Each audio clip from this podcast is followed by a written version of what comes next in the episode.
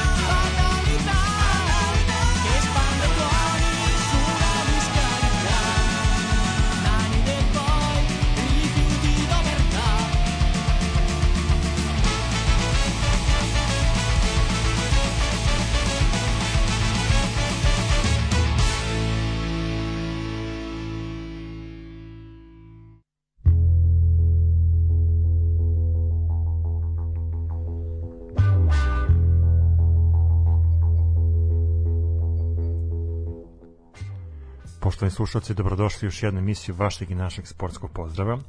73. put se eto družimo. U prošli ponedeljak imali smo određenih tehničkih problema, pa emisiju nismo mogli da realizujemo, ali evo nas sad u nekom vandranom terminu. Petkom smo odlučili da odradimo emisiju koju zaostajemo. Imaćemo dosta sportskih eh, dešavanja da skomentarišemo. Mahom ćemo se bazirati na futbal, pošto je to futbal i ovih par dana bio najaktuelnija stvar kad je u pitanju domaći sport i imat ćemo još nekih dodatnih uh, zanimljivosti kada je u pitanju sam sport. Tako je, ovaj, dobroveče s moje strane. Da, eto, petkom, ovaj, da kažem, ovaj naš rezervni termin, Ovaj da u ponedeljak nismo bili nismo bili u mogućnosti i ovaj moram priznati da je falilo ljudima, bilo je onako prilično tužnih reakcija zašto nas nema, ali evo tu smo, vratili smo se jači no ikad. Uh, kao što sam Upravo se vratili smo se jači no ikad, nije tu ni Toza, nije tu ni, ni Tanja, tu smo samo nas dvojica. pa, pa jači nego ikad, to to što sam to, to. Ovaj, ne može nam niko ništa, jači smo od sudbine. Ovaj, mislim, video si verovatno da sam u objavi citirao, jel, ovaj, moramo, moramo citirati naše velike umetnike i pesnike, ovaj Istaknuti intelektualac. isto tako je istaknuti intelektualce. Ovaj pa sad se baziramo ovaj na Alki Vujici recimo, to je ono što nas ovih dana privlači. Ovaj mislim ne samo Alki. Ja, znaš, one, ja se sećam pre par godina u novinskom nekom izdanju nekog hrvatskog magazina je bilo njen intervju ovaj, da je ona rekla da ona podržava strasno navija za, za Zadar i da je, ima nekih ono jako bliskih veza sa navijačima sa Tornadom i eto ovaj, možda je to dobar razlog da si uzeo Alku Vujicu obzirom da eto znamo sad njenu navijačku pozadinu njenu pozadinu znamo svakako, ovaj, ali sad i imamo i navijačku. Pa da, ovaj, mislim, sam si rekao svašta se izdešavalo za vikend, ovaj, i bilo je mnogo, mnogo zanimljivosti i ne samo ovaj, zanimljivih dešavanja, ne samo na našim ovaj, tranatim livadama, nego i širom regiona. I na ulici. I na ulici, definitivno. Ovaj, a mi ćemo se danas malo osvrtati preko ramena i na dešavanja u Bačkoj Topoli, gde naša dva drugarska kluba, ovo je sad, ovo je derbi dela sportski pozdrav, znaš, oba, oba kluba bratska naša, e, TSC dočekuje proletar iz Novog Sada, utakmica je počela od 18 časova, ovaj, trenutno je naravno 0-0, e, može se samo reći da je e, upriličena je to mala čast e, igraču Milićeviću iz uh, Bačke Topole, njegov 150. nastup za ekipu iz Topole. Uh, eto, čisto što se ovog samo meča kratko tiče, pa ćemo se onda baciti na ova dešavanja. Uh, Četa Dušana Bajića zaista ima problema, o tome smo pričali uh, i sam Andrija Kaluđerović koji će predvoditi danas napad uh, nosadske ekipe rekao da nikada u karijeri na pet mečeva da je uzeo samo jedan bod, to mu se nikad nikad nije desilo. Ovaj, a tolike klubove je promenio to da čovjek svetski putnik ovaj tako da ovaj imali su momci iz proletera jesenas niz od tri meča bez pobede ovaj ali evo ovakvu krizu kao sad zaista nisu do sada imali pa verovatno ih i pogodilo sve ovo što se dešava a kao i sve rat u Ukrajini, pa eto, uh, poskupljenje goriva, poskupljenje zejtina. E, danas je izašla nova cena goriva, ne znam si primetio. E, pa čuo sam da je i gorivo jeftinije za koliko? 0,14 dinara. Da, i ta cena će ostati na snazi do e, 25. marta. Će znači svakog petka od 15 časova zaseda ministarstvo jel, ovaj trgovine i tako svega ostalog i onda se znači svakog petka će se ovaj vršiti taj neka promena, korekcija cene i onda su Veseli petak. pa Kako vidjet ćemo kako će nam biti veseo, da. Pa ne vidi, probilo je tu onu barijeru, neku misaonu od 200 dinara, imamo sad taj obogaćeni dizel je 204, 203 koma nešto. Znaš ono koji i prolazim u blizini gde stanujem, jel Imaš nalazi se nova osiromašeni pumpa. uranijum, imaš obogaćeni dizel. Da. Ovaj prilike su iste, o, iste ovaj snage. Ovaj i prolazim naš ono pored pumpe koja tu da je pored mesta gde živim, ovaj ima molova pumpa i ono bacim pogled i ono kao jebote kao prosto ne mogu da verujem da povežem da kao 200 dinara, razumeš? Ono ne, mislim, ajde da se ne lažemo, taj obogaćeni nije mnogo ob, obogaćeniji nego što je ovaj ovaj običan, ali opet kao naš ponekad treba obradovati rezervoar, ovaj da ne zarđa od vode. Ovo ti je junk food i ovo ti je Da. organic. Da, da.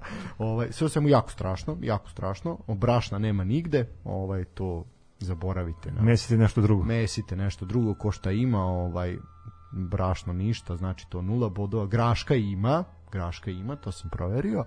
Krompira isto ima, ovaj tako da boranije, to to niko neće, razumeš, ali da to brašno nema ništa. WC papira ima, ovaj tako da to eto, Možete da serete. Možete.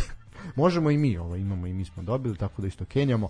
Ovaj, ali u suštini, tako da naš narod ne mora da brine, to ovaj svega ima, Evrope više neće biti, to smo završili, ali dobro biće domaćeg takmičenja. Naši. Znači, izvoz je gotov, sad samo kupujemo domaće. Pa kupujemo domaće. Pa da. Ali... Samo što je domaće izgleda baš poskupelo. pa jest. A tako je tržište. Malo i nikako. Pa da, i onda moraš da na crno. Black market. Pa, pitanje je da li je crno ili sivo. pitanje naš veliko. No dobro, evo, ovaj, trese se mreža u Topoli, ali sa spoljašnje strane, tako da ćemo pričati dalje. Uh, E, kad smo kod toga, ovo moramo da iskomentarišemo, jeste da nema veze sa, sa našim domaćim futbolom, ali je Ajde. scena koja je meni onako baš bila interesantna i mislim da tu u životu nisam video.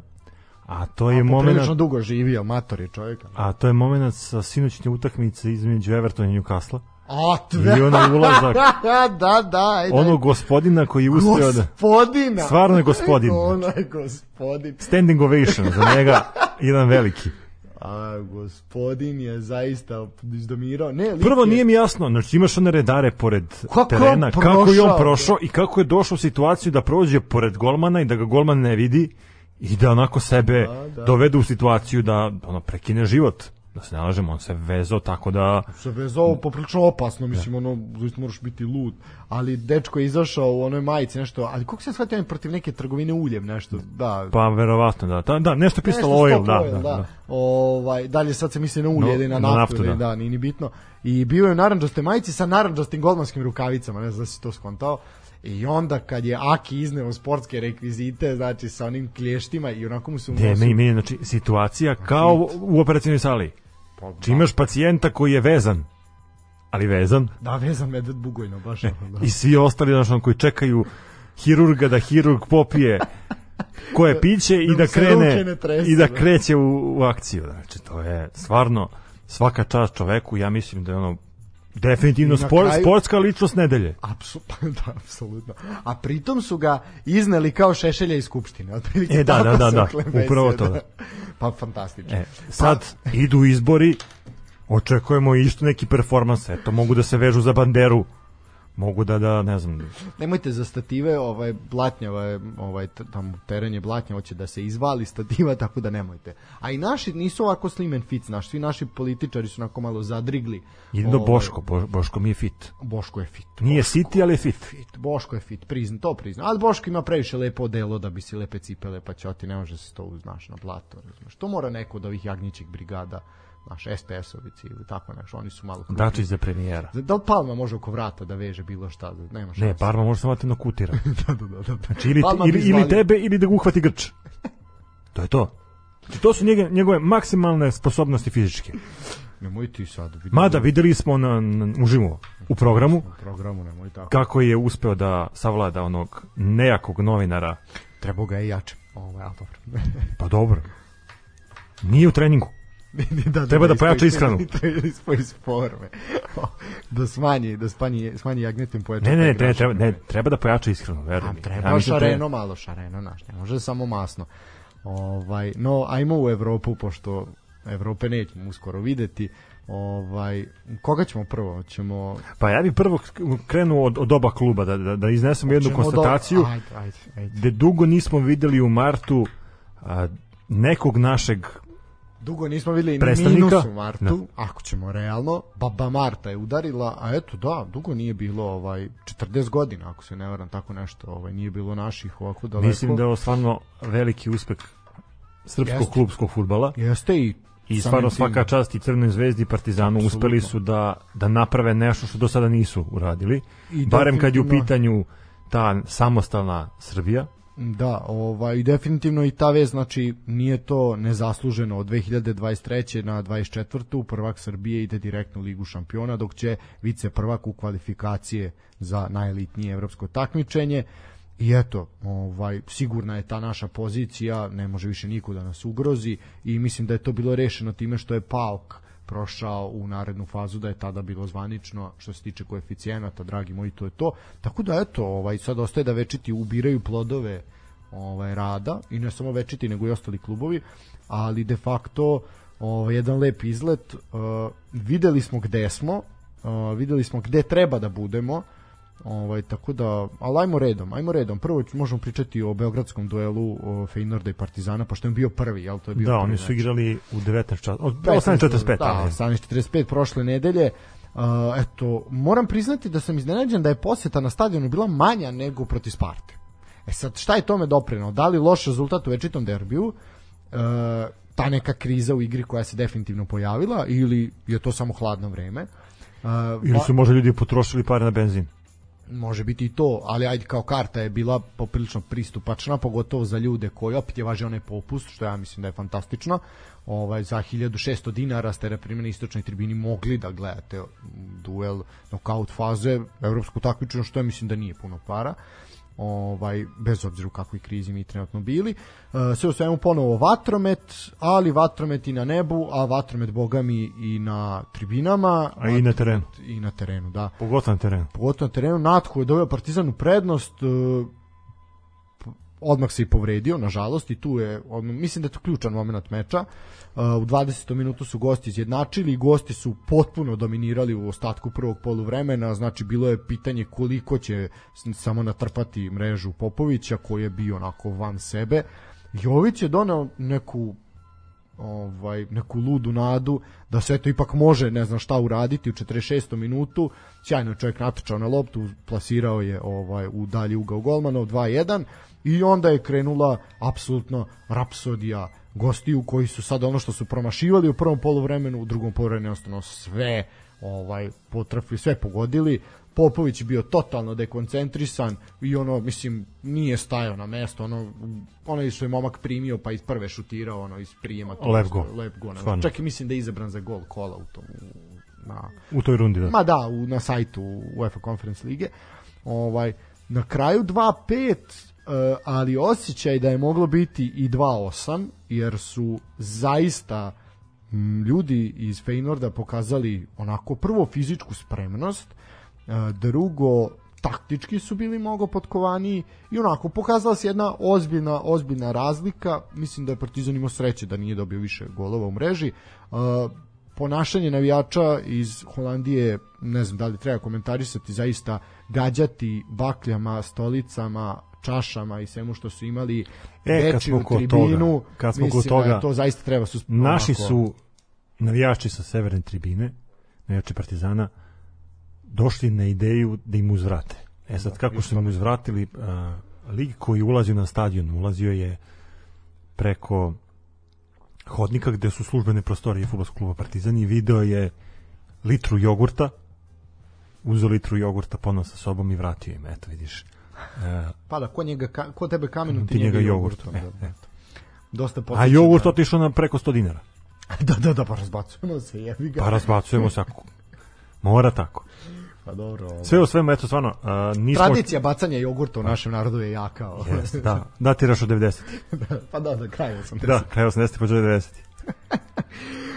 Jebi ga Možda, kad možda leti. poziva, po, taj jogurt poziva na revoluciju. Znaš, pa ali onda- kad dobro leti, razumeš, šta da mu radiš, kad ima tu, znaš on kad ti, jebi ga, to sad, mislim, E, sad mene samo zanima da li je bio onaj punomasni ili je bio ovaj light. a kurac da je light ne bi tako, evo, otišli smo Pa nije da je light, onda bi leteo.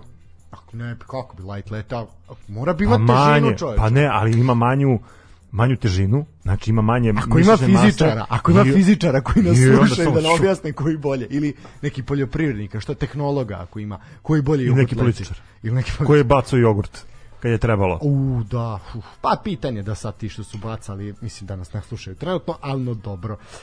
E, Sve u svemu, eto, Da. nemila scena na, nemile scene, zaista. na tribinama Partizanovog stadiona. onako, e, šta reći, 2-5, m, Gora Kukus poprilično, kao što sam rekao, zaista je ostao da je moglo i više. E, ja bih sad završio priču o Partizanu i Feynordu, tako što bih sad prokomentarisao ovaj meč, pa ćemo onda pričati o Zvezdi. E, Znači, selimo se u Rotterdam. Selimo se u Rotterdam 7 dana kasnije.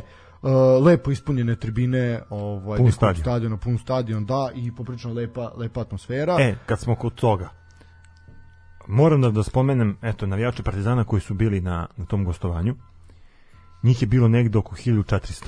Mislim No, da su lepa dobili, dobili su brojka. 1400 karata, to je ona informacija koju sam ja uspeo da, da saznam.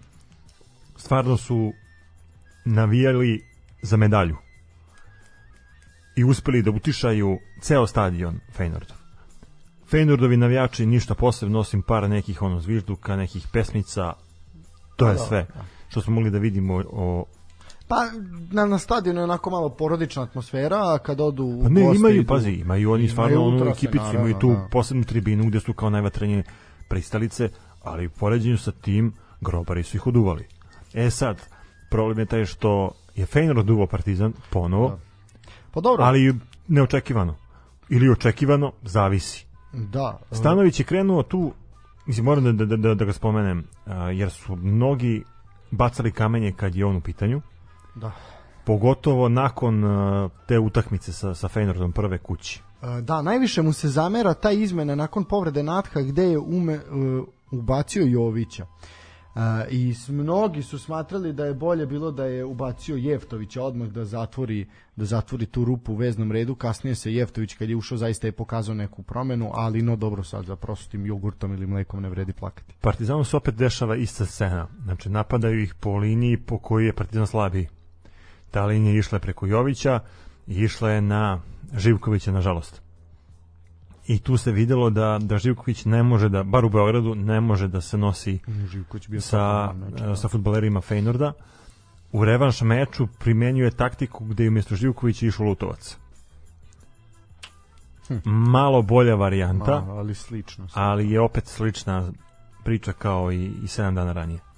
Uh, u suštini Partizan jeste imao nekoliko šansi u prvom polu vremenu, međutim u 45. minutu Fener dolazi do prednosti, uh, 2-0 je bilo u 59. Ricardo je smanjio na 2-1 u 67. i Linsen u 90. stavlja tačku na Evropsku odiseju Partizana za ovu sezonu. 3-1 je bilo. Uh, malo bolje ovaj rezultatski, a po igri, onako na oko igre, igra je bila mnogo bolja nego u Beogradu, to definitivno. Pa Partizan je djelovao čvršće. Delo je svakako čvršće i da je tako igra u Beogradu nošen svojim navijačima, verovatno bi bila drugačija I priča. vidi se da Partizan zna da koristi Ricarda kad je Ricardo na terenu. Tako je, pogotovo u kombinaciji sa Menigom. To svakako. Uh, mala samo ovako istorijska trivija, evo ovako znači niko nikada do sada Partizanu nije dao 8 golova u dvomeču na evrosceni. Uh, Feynord je eto to prvi uradio. Ovo je prvi put znači u istoriji da Partizan doživi ovaka brodolom. Dosadašnji negativni rekord bio je iz 1961. godine kada je Juventus smestio evo, beogradskim crno-belima u Torinu 5, a u Beogradu još 2. 7 golova dao je i Dinamo iz Kijeva pre 4 godine, a to je bilo u grupnoj fazi 3-2 i 4-1 i Bilbao isto dve godine pre toga 2-0 i 5-1, to je isto bila grupna faza Lige Evrope. Tako da eto, mala, mala ovako istorijska činjenica. Eto za neki kviz možda, ako neko bude pravio da zna, postoji pitanje. Eto. Uh, Kao nabrojite sve blamaže Partizana, da, da, da, da, da, 5 da. plus golova. 7 plus, U, pa to u, u oba susreta. 7 plus. Ali da završimo konačno s Partizanom. e, Partizan je ove sezone krenuo u kvalifikacije poprilično traljavom igrom. Na kraju je došao do grupne faze, preskočio prvu lestvicu nakon grupne faze i tu je stao. 16 16 ovaj utakmice u Evropi uh, popriličan Koliki je saldo? 7 7 7 4 5 ja mislim da je. Pa da sad ovako 7 napamet. 7 pobjeda, 4 nerešenih i 5 poraza. da imao si Poraz protiv Flore, protiv Genta, imao si protiv Santa Clare imao si uh, imao si Fener dva puta. i Fener dva puta da. to je to u suštini svakako je i Partizan kao i Crvena zvezda doprineo tom ovaj bodovnom saldu i tom koeficijentu da bude tako dobar kako jeste i pobedama u kvalifikacijama i u grupnoj fazi. E, no dobro, Partizan sada zaista onako a, delovao je u krizi rezultata pogotovo i ne samo rezultata nego igre definitivno igra bila problem kao i protiv Feyenoorda u Beogradu i samim tim ono što se desilo u našoj ligi ali o našoj ligi ćemo nešto kasnije E, ja bih sad prešao na Crvenu zvezdu Idemo na Crvenu u zvezdu. Glasgowu evo ako mi smo taj meč e, pratili i gledali po povratku iz Beograda e, jedno Pa ja, ja ne pamtim meč Crvene zvezde, da Crvena zvezda nije imala ovako sreće. Možda od onog nesrećnog Bordoa ili recimo tako nešto. Misliš, ne, misliš nesreće ili, ili sreće? Da, da Zvezda nije bila srećna, znači da Znači je... nesreće. Nesreća, da, znači zaista jedno košmarno veče, onako da ti ponište pogodak za neki zaista, mislim, jeste bio offside, da li je minimalan, pa uh, jedan isterac koji da li je bio, nije bio, je diskutabilno, ovaj, definitivno je start postojao, je sad oni koji naravno Ostrašćeni će reći nije bio, ovi drugi ostrašćeni će reći biti, bio je i sad tako dalje i tako dalje, ta priča o penalima nema kraja, sve sve u penal, zatim penal sa druge strane koji McGregor brani, znači čovjek je sačuvao svoju mrežu, zatim je onaj Aribo izbacio sa gol linije, znači jedno suludo, zaista onako Ne, Zvezda je stvarno da. pokazala kvalitet u tih prvih 45 minuta gde sam imao prvih 20 minuta i pogotovo, a onda posle. gde sam da. imao osjećaj da ono nekom čudnom nesrećom Zvezda ne vodi. Pa da, mislim, Zvezda je olako primila golove ono nakon kornera, ali je zaista, eto, baš je falilo sreće u toj završnici. Uh, Rangers je pokazao da je fizički, taktički, tehnički izuzetno jak tim, ali... Pa dobro, taj Zvezda- ostrovski futbal, to je to. Da, ali nije Zvezda nešto puno za, zaostajala. Realno je da su malo sreće da je bilo, mnogo drugačiji rezultat bi bio.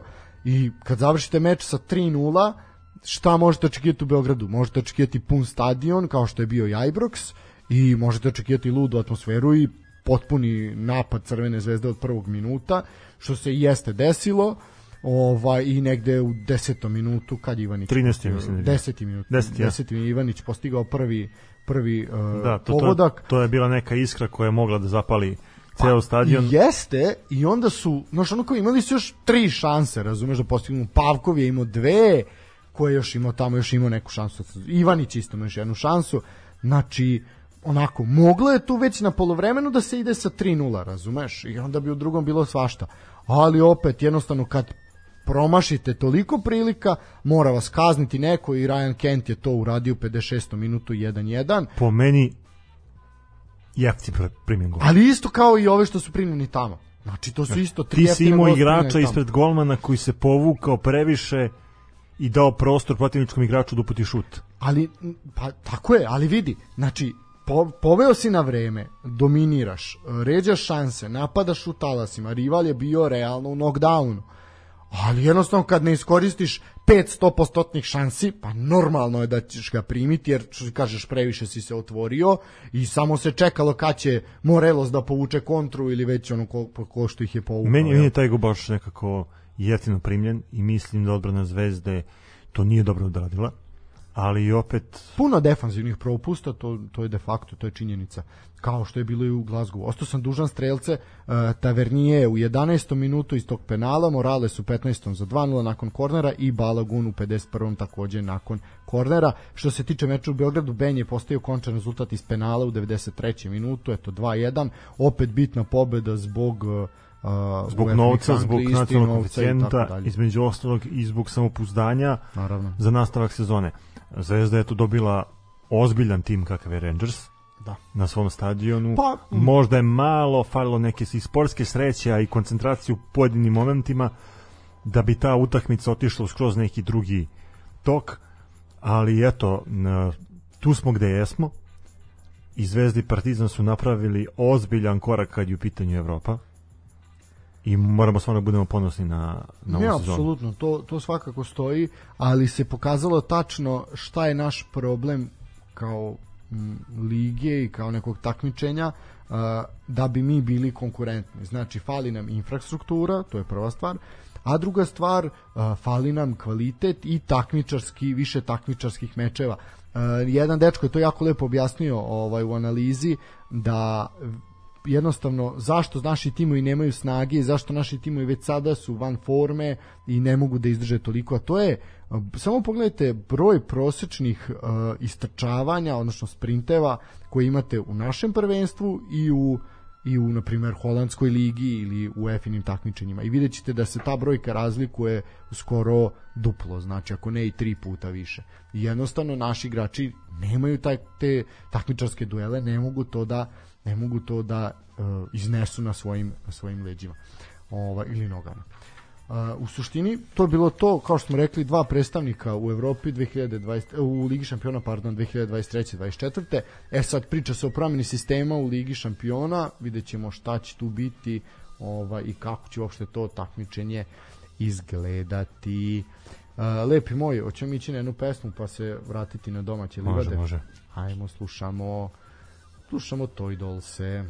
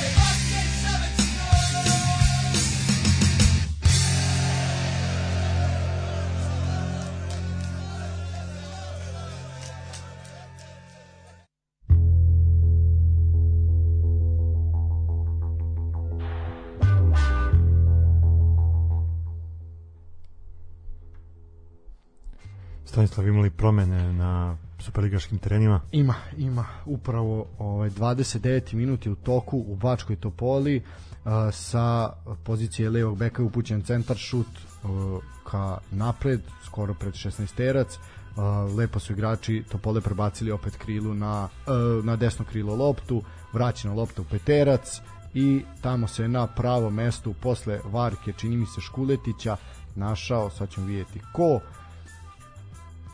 momena da prikažu. Da raduju se naravno ovaj i navijači ovaj Topole a i igrači Žarko Lazetić vidi se koliko mu znači koliko mu treba jer sama Topola je bila u krizi tako da odličan meč za sada smo pratili u Topoli dosta dosta šansi na jednoj drugoj strani. Stefan Vukić je eto tvoj ovaj imenjak koji je zapamtili smo ga kao onoj sezoni kao člana Zlatibora a ove sezone zaista često trese mreže za TSC Ovaj tako da eto, o, Za se. Proletar 1-0, Zakuvava se. ko je 23. minut? Uh, 29. 29. 29 minuta, ali ozbiljno dobra utakmica, nekoliko dobrih šansa. Petrić je nekoliko puta vadio ono i Kesteni iz vatre, ali dobro, pratimo, pratimo. Uh, eto, lep uvod da pričamo o našem futbalu. Uh, možemo spomenuti da je selektor Dragan Stojković Pixi uh, izbacio A ja sam mislio da će da kaže da je dobio priznanje od Milorada Dodika. Dobro i to, ali je... Plaketa Miljan Miljanić. Dobro, i to, ovaj, ali mislim da je svakako u Pixiju mnogo bitnije ovo što je a, izbacio Ti ćeš sa- od plakete Mislim, Dodika. Ipak je ovo bitnije. Gde će, pa u suštini dva meča protiv uh, Mađarske u Budimpešti 24. marta i 29. Uh, protiv Danske u Kopenhagenu. Uh, možem pročitati sastav. Može. Znači, Ra golmani Rajković, Dmitrović i Milinković Savić, to je u suštini to. Iznenađenje, Milinković Savić. Zašto? Misliš da Mile Svilar treba? Pa mislim, ne znam, nismo videli dosta dugo Vanju na, Pa na spisku dobro, sad u. Torinu je ono, ok, pa zato. Ovaj, ali ja mislim da neće braniti svakako, ali no dobro. Uh, što se tiče odbrane, Nikola Milenković, Fiorentina, to je bez razmišljanja, Mitrović, Hetafe, Miloš Veljković, Verder, Strahnja Pavlović, Bazel, Uroš Spajić iz Kazim Paše, Matija Nastasić, uh, Fiorentina, takođe, Aleksa Terzić, Fiorentina, Filip Mladenović, Legija, Mihajlo Evo, Ristić, primer, Montpellier. Terzić iz Fiorentine. Da, on je jedino možda iznenađenje da tako kažemo. Ovaj on je jedino, ali sam e, selektor Stojković je rekao da neće puno da eksperimentiše, da ovo jednostavno nije školica, nego da hoće ozbiljno se pristupi ova dva meča i da eto je to jedinu šansu će možda ukazati Aleksi Terziću koji je to nismo na njega navikli, ali ovo suštini ovo sve ostalo je poprilično standardno. Uh, Filip Kostić Eintracht, Nemanja Radonjić uh, Benfica, Andrija Živković Pauk, Nemanja Gudelj Sevilja, Saša Lukić Torino, Uroš Račić Valencija, Marko Grujić Porto, Sergej Milinković Savić Lazio i Dušan Tadić Ajax. Što se tiče veznog reda, nema tu ne, ništa ja tu ne bih Pa menjao. nema tu šta se menja. I napad Aleksandar Mitrović, Dušan Vlahović, Luka Jović iz Fulama, Juventusa i Real Madrida. U suštini to je to. Mislim napad nema šta bolje nemamo. Ovaj mislim da malo ko možda se pohvali ovaj od ovih naših regionalnih ovakvim napadom. Sve u svemu Mm, be- Eto, osim Terzića i Milinković Savića, ja mislim da nema neku... Terzić je veće iznadženje, ali Ne, okej, definitivno da, da, Terzić, da. slažem se.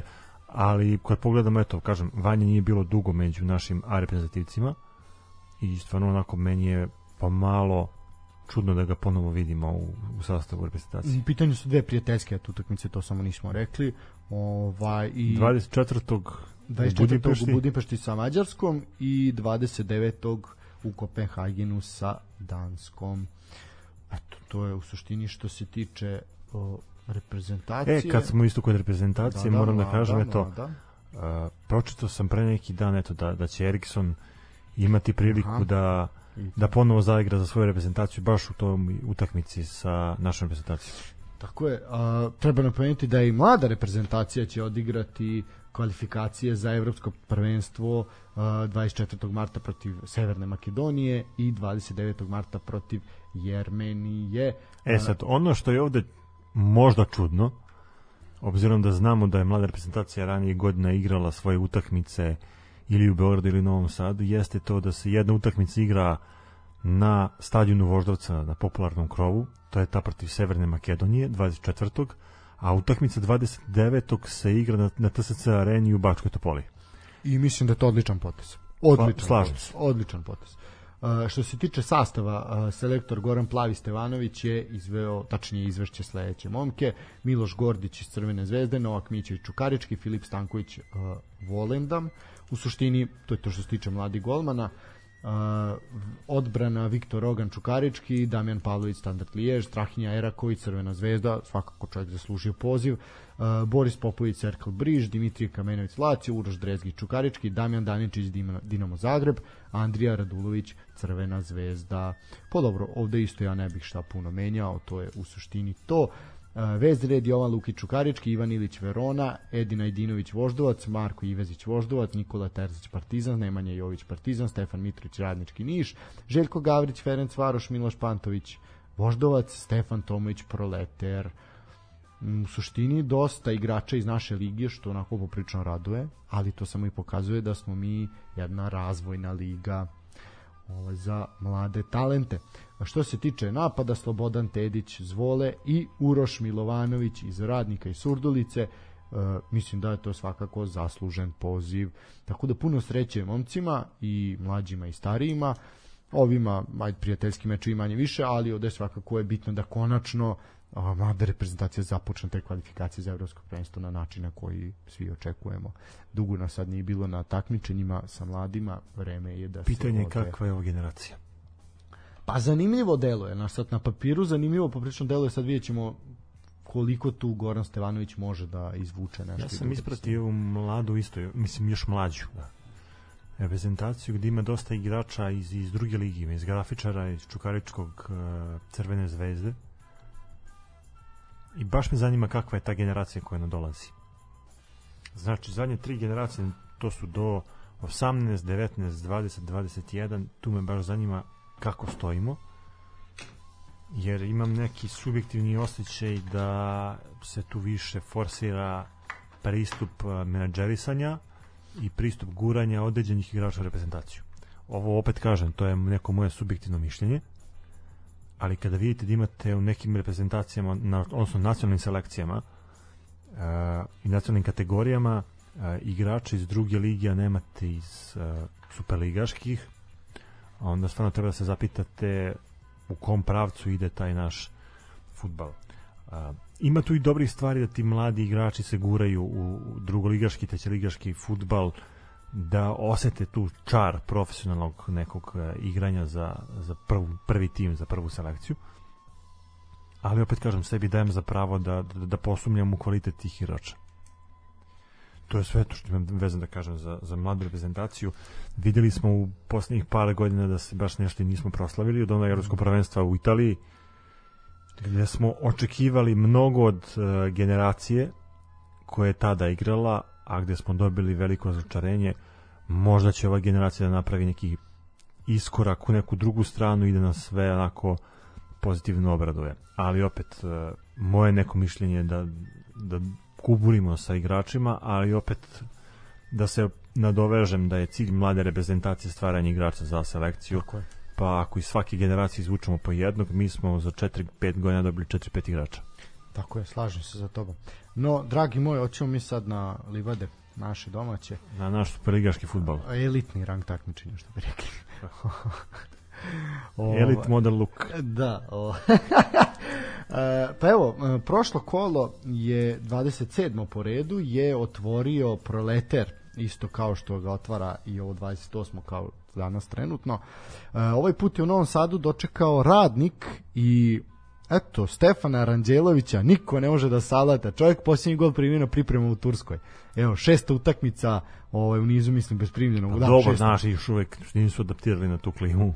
Da, šest utakmica čovjek ne može primi gol, ovaj 2:0, onako uh, mora se priznati. Ja sam gledao ovaj meč, uh, Bio si na stadionu. nisam bio, ali sam A. gledao preko arene. Ovaj razmišljao sam da li da odem ili ne, a na kraju nisam stigao na vreme, rekao aj ipak ću pogledati i zaista bio dobar fudbal. Uh, mora se priznati da je radnik bio mnogo direktniji, mnogo ovaj opasniji. Uh, Proleter onako poprilično u problemu, nekoliko zaista loših rezultata, poprilična kriza, uh, deluje da je ono play, bili su u play-off zoni na početku ovog drugog dela, da tako kažemo, sada su zaista svetlosnim godinama daleko, pred njima su zaista tri teška kola i onako, sp- spašavanje superligaške glave. E, što se tiče ovog meča sa radnikom, bivši kapitan proletera Siniša Babić je presudio, on je namestio prvi gol upravo Urošu Milovanoviću, a drugi je on i sam postigao. Do duše zaista je nesebičnu pomoć pružio mladi golman Nović, čovjek je bukvalno asistirao. Eto, proletar četvrti poraz u posljednjih pet kola u samo jedan osvojen bod, a evo, kao što sada prenosimo 39. minut u Bačkoj Topoli, proletar gubi sa 1-0. Što se tiče radnika, dovoljno je samo reći da ljudi na šest meča nisu primili gol i tu se svaka priča dalje završava. E, možemo posetiti drugi novosadski tim kom takođe ne cvetaju ruže. E, u pitanju je Vojvodina, Vojvodina je gostovala radničkom iz Niša i radnički, ono, kamen po kamen palača, što bi rekla. Kamen po kamen tvrđava. Pa ja sam Niška, hteo više Niška. da ovaj Niška, da, re- renovirana. Ovaj ja sam više išao opet na Jelenu Karleušu ili ovaj e, na taj čuveni čuveni hit. To se možda ti više ovaj sećaš pošto je to bilo u tvojoj Ja, se, mladosti. ja se nje sećam kao devojke Karićeve, Stefana Karića, se tako zvao? Ma ne znam da li je Stefan, ali ajde. Jeste Karić, ali ne da, ne znam kako se zvala. Da previše Stefan. Karić i taj njen propali brak. I onda je na kraju plovila u te sportske vode. da, da, da, da, pa sportska radnica. ovaj, pa da, što bi rekla Jelena Karleuša, zrno po zrno kažu pogača, kamen po kamen kažu uh, palača, dodir po dodir, onda lomača. Tako i i što se tiče radničkog Pa. niša. Kako poznavanje radničkog Niša i Vojvodine, a vidi se da je teško detinstvo bilo na ovim prostorima. E, sve u svemu, Vojvodina zaista ne zna da udara ovaj, jedan jako, jako loš period. Mislim, sad ova priča koja ide za proletar i za Vojvodinu važi za još šest klubova u ligi. Ovaj, zaista, eto, uh, Nišlije nakon tri početna remija ovog proleća su vezali i dve pobede i sada su, eto, zrno po zrno četvrto mesto.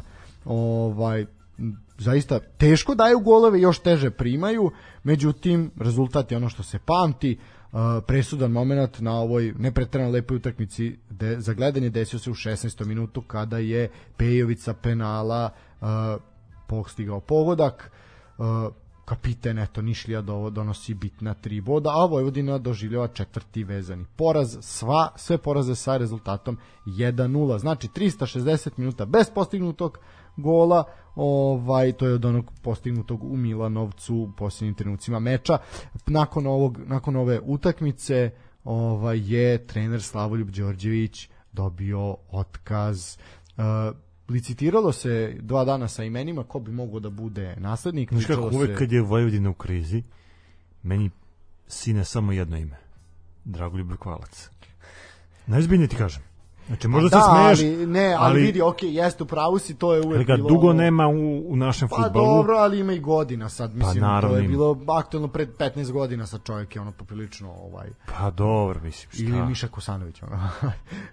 Pa eto, dobro. I mi, dobro, ali Mišo Kosanović je bio sportski direktor, pa ajde, no, no. Da. Ovaj, sve u svemu, bilo je licitiralo se ko bi mogo biti, uh, spominjao se čak uh, i Gaćinović, jel, pošto je nedavno dobio otkaz u Spartaku i potpuno nekako ne... Iznenađenje. Za mene iznenađenje. Za mene apsolutno iznenađenje, a to je Dragan Radojičić, čovek koji je kupio- Vodio Novi Pazar. vodio Novi Pazar u prethodnih nekoliko kola, ništa nije pokazao s Novim Pazarom, uh, do duša ajde došao je tamo kao da gasi požare, čovek koji je izborio uh, elitu sa, sa, lo, sa ovom bože Kolubarom, pa je onda tamo dobio otkaz, pa mislim zaista onako Turbulentna sezona za čoveka. Turbulentna sezona, da, eto. Dolazi u klub, inače on je u Vojvodini a, bio igrač, ovaj, tamo 90. godina. A, bio je u jednom momentu i neki član kao neki sportski direktor ili tako nešto koliko Član uprave. se- pa da nešto tako zadužen za sportska pitanja ovaj uh, on je došao 94. 94. godine i mislim da je igrao do 96. a bio je i uh, trener u sezoni 2007-2008 tako da eto u svoj bivši klub se vraća i bit će poprilično zanimljivo s obzirom da je najavio nešto totalno drugačije od Slavoljuba Đorđevića a najavio je da će uvek ići da daju dva gola više Pa kad primaju jedan u četiri kola svaki put na utakmici, onda Nije- moraju da daju nije dva. jedan u četiri kola, nego i jedan u svakoj utakmici Pa da, u četiri kola. da, to sam mislio, da. Ovaj, tako da, a, ajde, vidjet ćemo, mislim, poprično će biti zanimljivo vidjeti takvu napadačku Vojvodinu, jer ova dosadna odbrambena zaista ništa nije E, pokazala. kad, kad smo kod Vojvodine, eto ja moram da iskomentarišem ovo, pošto se tiče tog nekog navijačkog folklora, videli smo da je trenutno kod nas u gradu aktuelna borba navijača Vojvodine popularne firme protiv uh, Samarđića, predsjednika kluba. Da. Tako on je predsjednik da Bajatović je potpredsjednik. Jeste, jeste, da. I eto možete vidite plakate koji grad je oblepljen plakatima, znači u svim delovima Bilo je i na stadionu isto. Da, bilo je na stadionu su bile istaknuti transparenti upućeni uh, Samarđiću da napusti klub. Ne znam dokle se došlo sa, uh, sa tim protestima, sa tim negodovanjem. Uh, ono što je meni isto interesantno je to da uh, pratio sam novinske izveštaje vezane za posetu na Karadžorđu i sad novine su izveštavale do otprilike 700 do 800 ljudi bodri staru damu a imamo, na primjer, da je 1200 ili 1400 ljudi bilo na stadionu mladosti na Novom nasilju. Dan kad se Znaš, otvorila I sad tribina. to je meni nekako baš bilo čudno. Prvo, mislim da je taj podatak vezan za mladost malo naduvan, Aha, ali opet mogu da kažem da je bilo poprilično pa i ono, isti broj kao na Karadžoću. možda, a vidi sad, znaš kako, ajde. Iako znamo da je Vojvodina klub sa ogromnom tradicijom, da je Vojvodina klub broj 1 kad je u pitanju Novi Sad i da je Vojvodina broj 1 kad je u pitanju futbal u Novom Sadu. Ok, aj dobro, ali ti sad kad imao si samo ovu anketu koju smo mi radili o, omraženim klubovima i sam si video koliko ljudi je navelo Vojvodinu. Znači, jednostavno mislim da se običnom narodu zgadilo to šta se radi u Vojvodini i nažalost e, poistovećuju sam klub sa članovima uprave i sa tim radnjama koje oni imaju, a to je pogrešno. Znači treba ko što treba razdvojiti umetnika od umetničkog dela. Znači to što je neko umetničko delo dobro i kvalitetno ne znači da je umetnik kvalitetan čovek. Znači to treba Re, reci mi da razmišljaš o Goranu Vesiću. Možemo. Aps, to ti je pravi primer. Ovaj, ali ima i drugih. Ovaj. pa, sad kroz glavu prolazi Aca Lukas, ovaj jedna pesma. E, za Jaca Euroviziju. Luka, ili Jaca Lukas, Aca pa eto, Lukas. je izdao knjigu Laguna, Je. Vulkan, Gurali, pa jesno, nemoj Pa tako. jeste. Ne, de facto je to istina. Znači, to je problem malo u našem narodu napraviti tu distancu. Uh, definitivno da se da je svima mučno da idu na Karadžođe, prvo što je Karadžođe u takvom ruhu kakvom jeste, da je poprično oronuo, nije kakvih stadiona ima, ali opet jeste, a s druge strane svima je jasno u kakvom situaciji se nalazi ta Vojvodina, jednostavno neka ta učmalost koja vreba i koja traje, jednostavno nikog ne privlači, zašto bi, nije više fora. Ali dobro, evo, uh, slažem se sa tobom i mislim da imaš dobro opravdanje za to da ne treba da možda se odlazi na stadion. Ne da ne, ali- nisam ja rekao, nije to, nije to... Odnosno da navijači Ne, Vojvodine imaju nisam razlog za, za, da- za e, neki eventualni bojkot. Nisam ja rekao da ne E. treba ići, nego mislim Ali da je sad to gledam situacija. opet kao ta lojalnost, vernost klubu. Uh, opet pričamo o tome da, da je Vojvodina stvarno klub sa tradicijom i to da je je Vojvodina lojalnost, klub... 700 navijača, to je lojalnost. Pa jeste je to lojalnost, lojalnost. 700. Znaš, ali, ali ja mislim protiv da... napretka par, e, partizanovih navijača? 3000. Nije, bilo je hiljadu i po. Hiljadu i po je bilo. Lažu da je bilo 3, ali ajde. Ne, ja ti kažem bilo je hiljadu i po. A e. okej, da, znači, Znači, ono, naduvan broj. ali to ti je to, to, to su ljudi koji će ti doći bila subota, nedelja, petak, ponedeljak, bilo 21 čas, bilo t- 13 časova, da li bilo minus 10 ili plus 25, to su ljudi koji će doći. I to je kraj. Sve ostalo su ljudi koji dolaze zbog protivnika. Znači, pa- najbolja priča za sve to i priča koja objašnjava je priča Dinama. Znači, kad dolazi Sevilla, Maksimir se rasproda za 45 minuta kad e, dolazi Osijek, Maksimir je poluprazan. Isto je ovo priča. Isto je to beogradska i novosadska publika. Znači, dolaze samo zbog protivnika. Oni ne dolaze da bodre svoj klub. Dolaze zbog protivnika. Imao si, sam si bio pristan protiv Manchester Uniteda. Dobro, bio sam i to, bio sam kad je Vojvodina igrala protiv Sampdorije, kad je igrala protiv Az Alkmara. A, Sandor je malo drugačija priča, ali si protiv Sandor je napravio čudo u Italiji i onda si došao ovde naš Pa kao... dobro, i, i bilo leto, lepo vreme, sećam se da, da ono... uvek imaš tih 10 do 20% tih ljudi koji zavise od vremena. To je okej. Ali ako pričamo o velikim razlicima, razlikama u brojevima, to je ipak Ali i pričali smo o tome u, u našoj emisiji više puta. Vojvodina je ove godine napravila rekonstrukciju tima. Ono, bukvalno su napravili reset od momenta kada ih je Nenad Latović napustio. I krenuli su neki novi sistem, a, pokušavaju da izguraju neku svoju priču, što zbog finansijskih poteškoća, što zbog a, oskudice kad je u pitanju igrački kadar i, i omladinska škola, jer Vojvodina ima problem sa, sa omladinskom školom, iako daje enormno veliki broj igrača za, za Ali jedan klub, ali oni nemaju kvalitet koji bi mogo da, da zavrednuje pažnju, da oni stvarno dobiju ozbiljnu šansu u, u Vojvodini. I mahom vidimo igrače koji su ponikli u Vojvodini da su negde po nekim drugim klubovima. Između ostalog čak i po nekim drugim državama.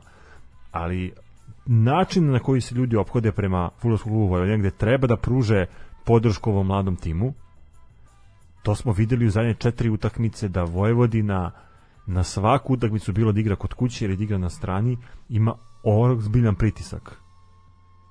Znaš, i, i uvuče se u tebe taj uh, mentalitet neuspeha. Definitivno, definitivno. Treba Znaš, znati oni svaku utakmicu gube sa 1-0, znaš, kao, Da, ono, sad se pitanje, očekuješ, da. pitanje je ono kao, kad će taj košmar da se završi, Slavoljub Đorđević na kraju preuzeo taj kamen na sebe i celu tu težinu i podne ostavku i vidjet ćemo u kom pravcu će dalje ići Vojvodina. Pa eto, Znaš, biće- kao klub koji je bio na polusezoni u prva četiri, sada polako pada. Pa ista priča kao sa proleterom. Ista priča, to ti ista priča, proletar isto. I mislim nije samo to, ima tu još timova. Totalno se promenila totalno se promenila uh, stanje na tabeli. Znači svi timovi i od a izuze prva tri koji su bili u play-offu, sada su se spustili u play-out ili su u borbi za play-off i play-out, a ovi su se totalno e, rokada napravljena. No, Idemo dalje. ajmo dalje. E, dalje, Uh, Čukarički, Čukarički TSC, TSC, eh. ozbiljna utakmica. ozbiljna utakmica. Ozbiljna utakmica, ovo smo i najavili ko je bio blizu Banovog brda, imao je šta da vidi, odličan meč, dva tima koji preferiraju onako jedan ozbiljan i napadački futbal. Uh, zaista je ovo moglo, meč koji zadovoljava onako sve ukuse, bilo je zaista dosta šansi, uh, kulminacija uzbuđenja je bila na kraju same utakmice u nadoknadi vremena, Čukarički je vodio, vodio golom Rakonca ovaj, četvrtim u posljednjih pet kola, Rakonjac je zaista u fantastičnoj formi, ali su gosti uspeli da se iščupaju pogodkom Mirčevskog, eto, pojačanje iz posljednjeg prelaznog roka. Za TSC postiže pogodak. Prvo je sudija Rada koji je svirao penal za TSC, Škulitić je pogodio prečku, Stanav je potpuno, potom odlično centrirao, a omaleni Makedonac je glavom doneo izjednačenje. Eto, jednostavno bilo je suđeno da zimskog pojačanja TSC bude strelac, jer je pre dosuđenog penala savladao Petrović, ali je Radaković nepotrebno požurio da odlukom ovaj sa odlukom da pokaže na penaltik po svemu viđenom, eto najrealniji ishod ove zaista uzbudljive, uzbudljive utakmice. U suštini ono što se očekivalo i mislim da ovo jeste prava poslastica ovaj za vikend koja je bila, a sad možemo pričati Pogotovo kad znamo dimenziju, intenzitet Naravno. razvoja na, na terenu, kako se kreta rezultat. Tako je, i sama ta kulminacija i kako se završila. Uh, dobro, možemo sad na meč na kom se nije apsolutno ništa desilo, pa ćemo ići na kratku pauzu. Uh, Kolubara Radnički Kragujevac, ja sam ovaj meč ispratio najviše zbog Nenada Lalatovića, ali to i jeste ovaj E, to jeste poenta praćenja stranca. poenta, da. Ovaj, u suštini, uh, podela plena u Lazarevcu, teren solidan, mada sam očekivao puno gore da će biti. Nije bilo visokog ritma utakmice, nije bilo puno iznenađenja, najveće je bilo u 84. minutu kada je Đuranović isključen zbog drugog žutog kartona, uh, tako da će Kolubara u narednom meču biti bez svog najboljeg strelca. Radnički posle tri uzastopne pobede je da, remizirao, a važno isto su Kragujevčani više od 400 minuta bez primljenog gola. Kolubara je ostvarila tek treći nerešen ishod u sezoni, prvi posle skoro 4 meseca. Radnički je imao svoje šanse, ali jednostavno lopta nije htela u gol i negde je ovo možda najpoštenije, najpošteniji rezultat. Nula, Mislim da rezultat koji odgovara i jednima i drugima. Apsolutno. Radničkom je preko potreban u borbi za opstanak, a A Kolubara nije izgubila bodove Pa da, terenu. Kolubara je nastavila sa realno dobro, dobrom serijom E, mislim da bi sad rezultata. mogli na pauzu. A, idemo na jednu pesmu, pa ćemo se onda baviti ovim ostalim mečevima. Uživajte.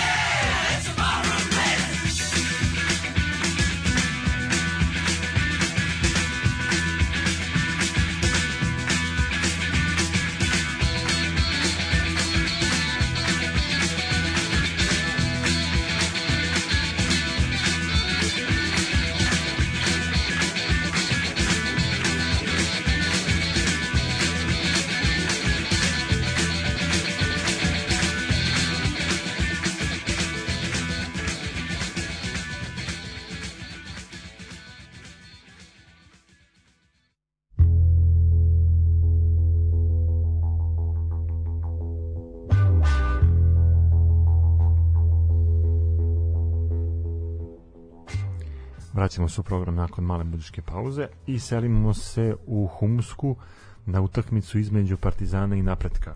Utakmica koja je definitivno obeležila ovo kolo i utakmica koja je sa pravom iznenađenje kola.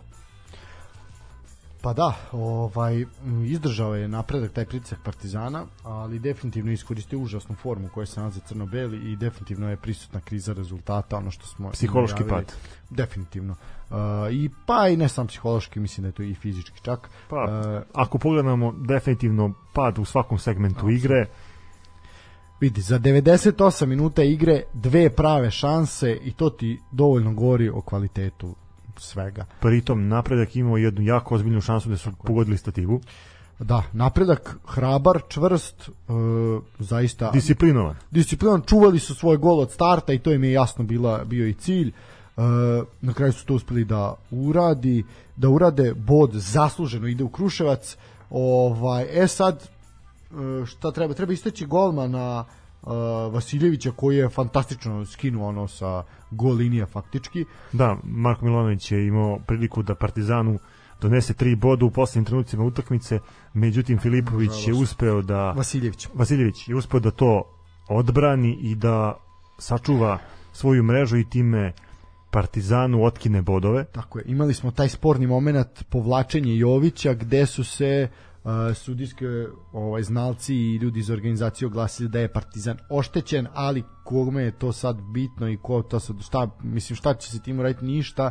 nakon onakog penala koji je gde se digla frka u Subotici, eto sad im je to došlo u glave i zato Znaš sada nije, naše sudije da sada nisi u momentima kada se odlučuje, kada je napeto, a, moraš da budeš stvarno hrabar i da, da veruješ u svoju odluku i da dosadiš penal ili jednom i drugom uh, ekipi. No, apsolutno, nema šta. Ali Ovo ako pogledamo bilo- Partizan, mislim, taj dan tako. nije zaslužio pobedu. A nije, apsolutno. Mislim, Nije zaslužio možda ali- pobedu ni, ni u Subotici, ali je uspeo da se izvuče. Ali ne možete dva puta. Ovde stvarno niste mogli da, da, da, da se izvučete, pogotovo kad je napredak imao i situaciju u kojoj iz koje je mogao da postigne pogodak i da, da odnese sva tri boda. vidi da mi sad se vratimo još malo unazad, još jedan blagi rewind.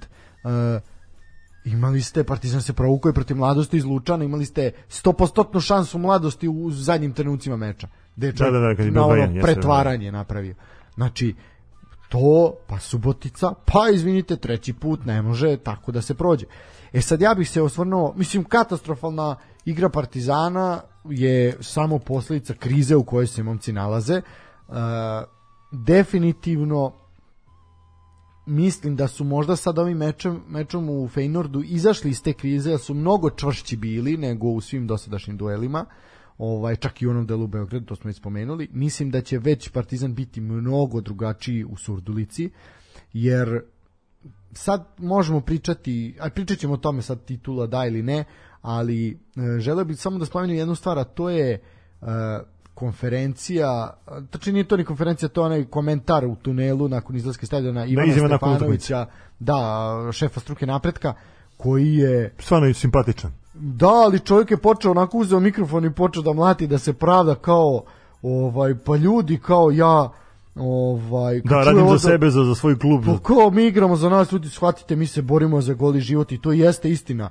Ovaj, Dobro, ajde sad uzimamo tu pozivnu da je Marko Mišković bio jedno vreme funkcioner Crvene zvezde, pa je posle toga postao predsednik A, fudbalskog kluba Napredak. jedni i ima ta pronaći- povezanost između Napretka i Crvene zvezde. Ako gledate da navijači Partizana traže neko nezadovoljstvo u svemu tome, odnosno da je eto a, napredak a, forsiran da igra bolje protiv Partizana, a da ne igra protiv Zvezde.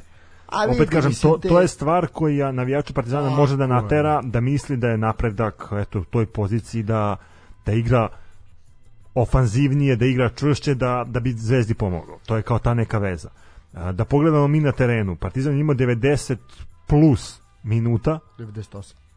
da napravi nešto, Partizan osim te šanse A Milovanovića dve šanse su i imao još jedna a, šansa, da. još jedna šansa je bila, ovaj sad se i ne sećam više, ono eh, gledali smo tu utakmicu eh, gde nisu uspeli to da realizuju i meni je to kristalno jasno da ako za, za to vreme niste uspeli da postignete pogodak protiv ekipe kakva je napredak, Ne nema šta da tražite dalje. Tako je, nema šta da tražite na prvom mestu.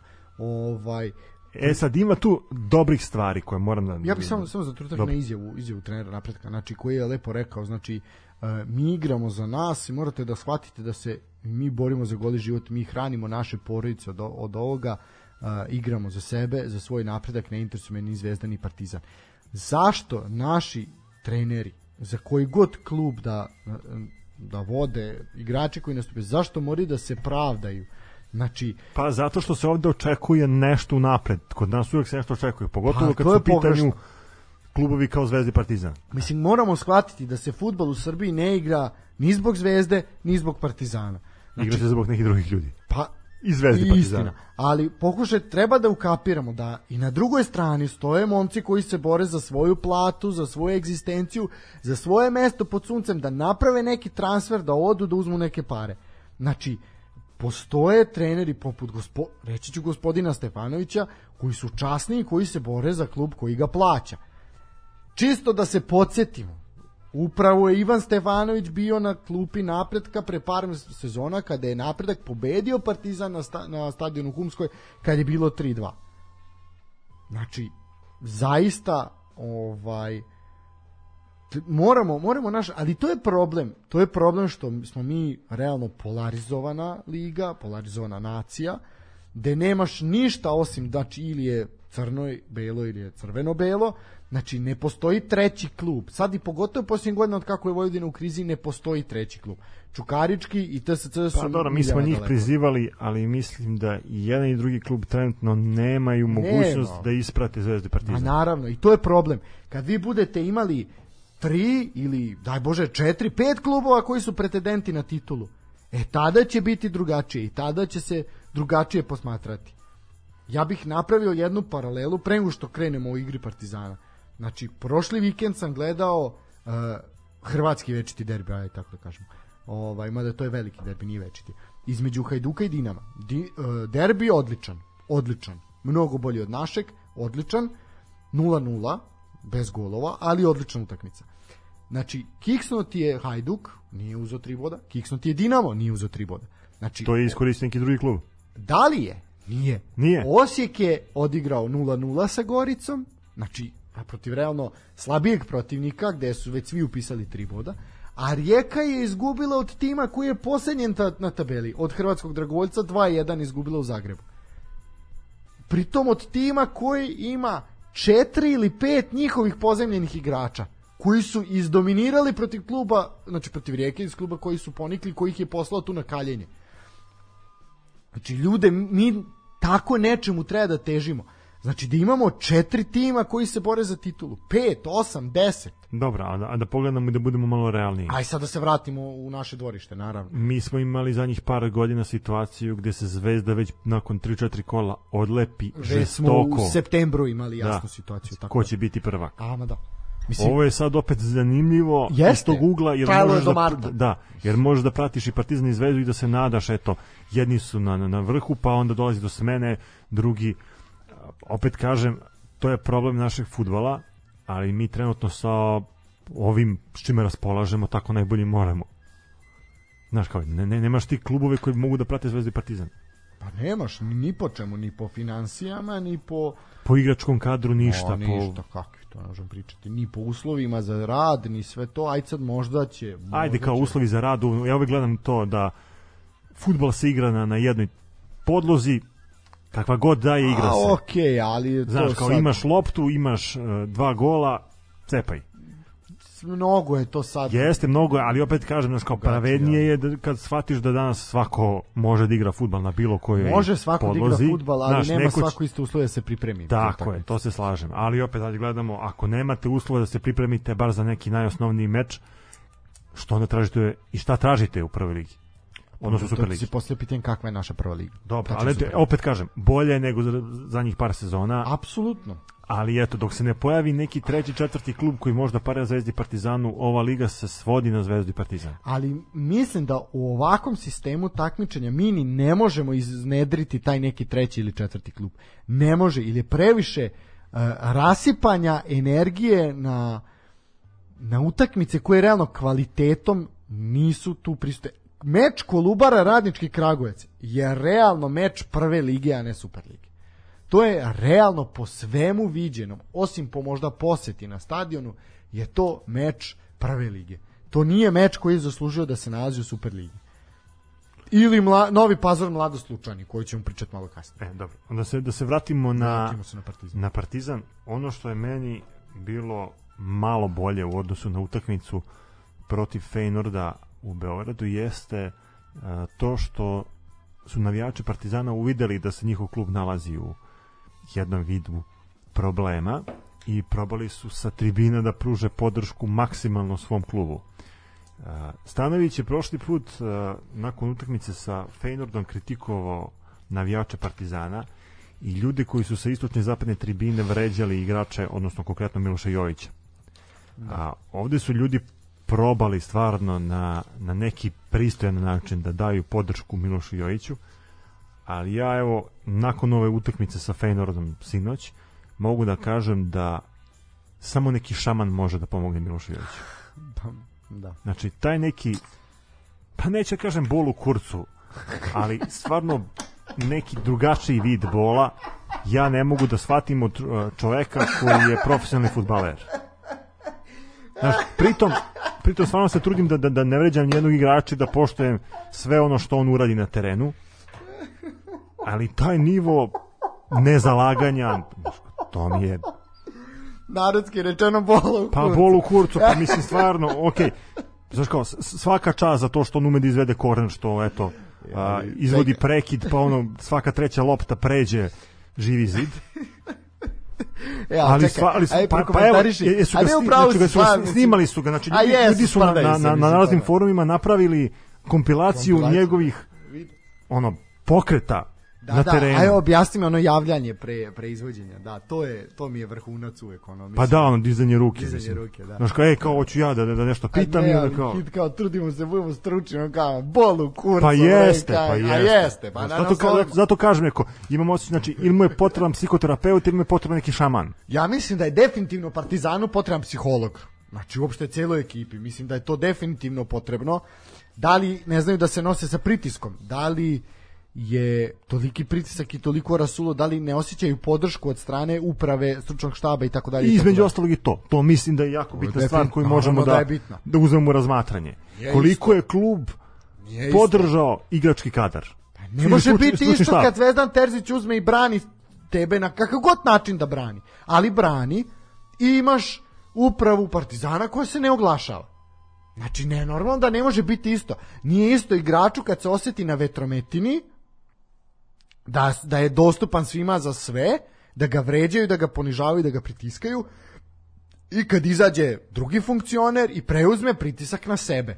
I to je vrlo pametno. To radi Nebojša Čović, to radi Zvezdan Tako Terzić. je, to se slažem. I sad zašto ovo pričamo? Zato što... Do nekoj na- meri ostaje Milić. E, zato što na kraju si imao utakmice gde su navijači Partizana a, otišli do, do južne tribine, na, znači na mestu gde se okupljaju najvatrenije pristalice i gde su dobili ribanje. Stvarno ozbiljno ribanje.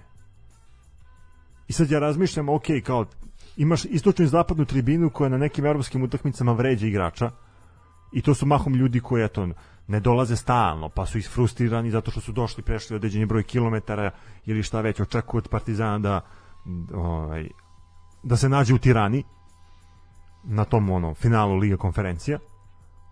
I onda kao da imaš tih hiljadu i po ljudi, ja kažem da je bilo hiljadu i po ljudi, jer mislim da je toliko bio maksimum ljudi na A tog to su dana na tom- standardni ljudi koji E, dolaze. I to su znači, ljudi tu- koji pruže podršku Partizanu i Da. kad im ne ide i kada su u problemu i koji pokušavaju da trgnu. Opet kažem, drugačije bi bilo da je bilo 10.000 ljudi na, na stadionu, pa kad krene 10.000 ljudi da vrši pritisak i na sudiju i na protivničke igrače, tebi jednostavno moraš imaš motiv da, da igraš. Ovako hiljadu ljudi kao naš ništa. Jeste ništa. Ništa, ali bukvalno ništa. Pa naravno da je ništa. Znači, da se mi ne lažemo, to je ništa. I onda dođu ispred južne tribine i dobiju takvo ribanje. Mislim, opet kažem, ono što je meni zanadilo kao nekog ko, eto, duži vremenski period prati futbalski klub Partizan, me iznadilo to zato što Partizani navijači nikada nisu vređali svoje igrače. Ali zato sam se ja sad drznuo pa sam rekao da Miloš Jović ima određeni bol u kurcu, jer stvarno mi tako deluje. Znaš kao, to je problem koji se provlači iz kola u kolo, iz utakmice u utakmicu. Ja ne kažem da on ne pokazuje neko zalaganje, ali stvarno nekako mi, mi to deluje kao nekom ko posmatra tu igru. I sad imaš motivacioni govor sa južne tribine, eto, moram da te tako kažem. Da, po znacima navoda. Po znacima navoda. A, koji to rade, razumeš, ono, razni klubovi po, po Evropi, eto, i, i naši klubovi su za njih par godina, pa 10, 10 godina sigurno, imali smo da da su navijači Crvene zvezde skidali svoje ljubimce, Setimo se, to se sad zaboravlja, ali... imali smo i šamaranja, imali smo oduzimanja kapitenskih traka, imali smo sve i svašta. To je taj trend koji je zahvatio da navijači su jako bitni, ali opet ajde da, da, da, da gledamo i, i realno. Uh, Partizan je ove sezone u martu mesecu došao u situaciju da bude konkurentan za titulu, da je još uvek uh, konkurentan za osvajanje kupa i da je u tom trenutku bio aktivno učesnik nekog evropskog takmičenja. Tako je. Znači, imamo sve parametre koji ukazuju da Partizan ima trenutno dobru sezonu.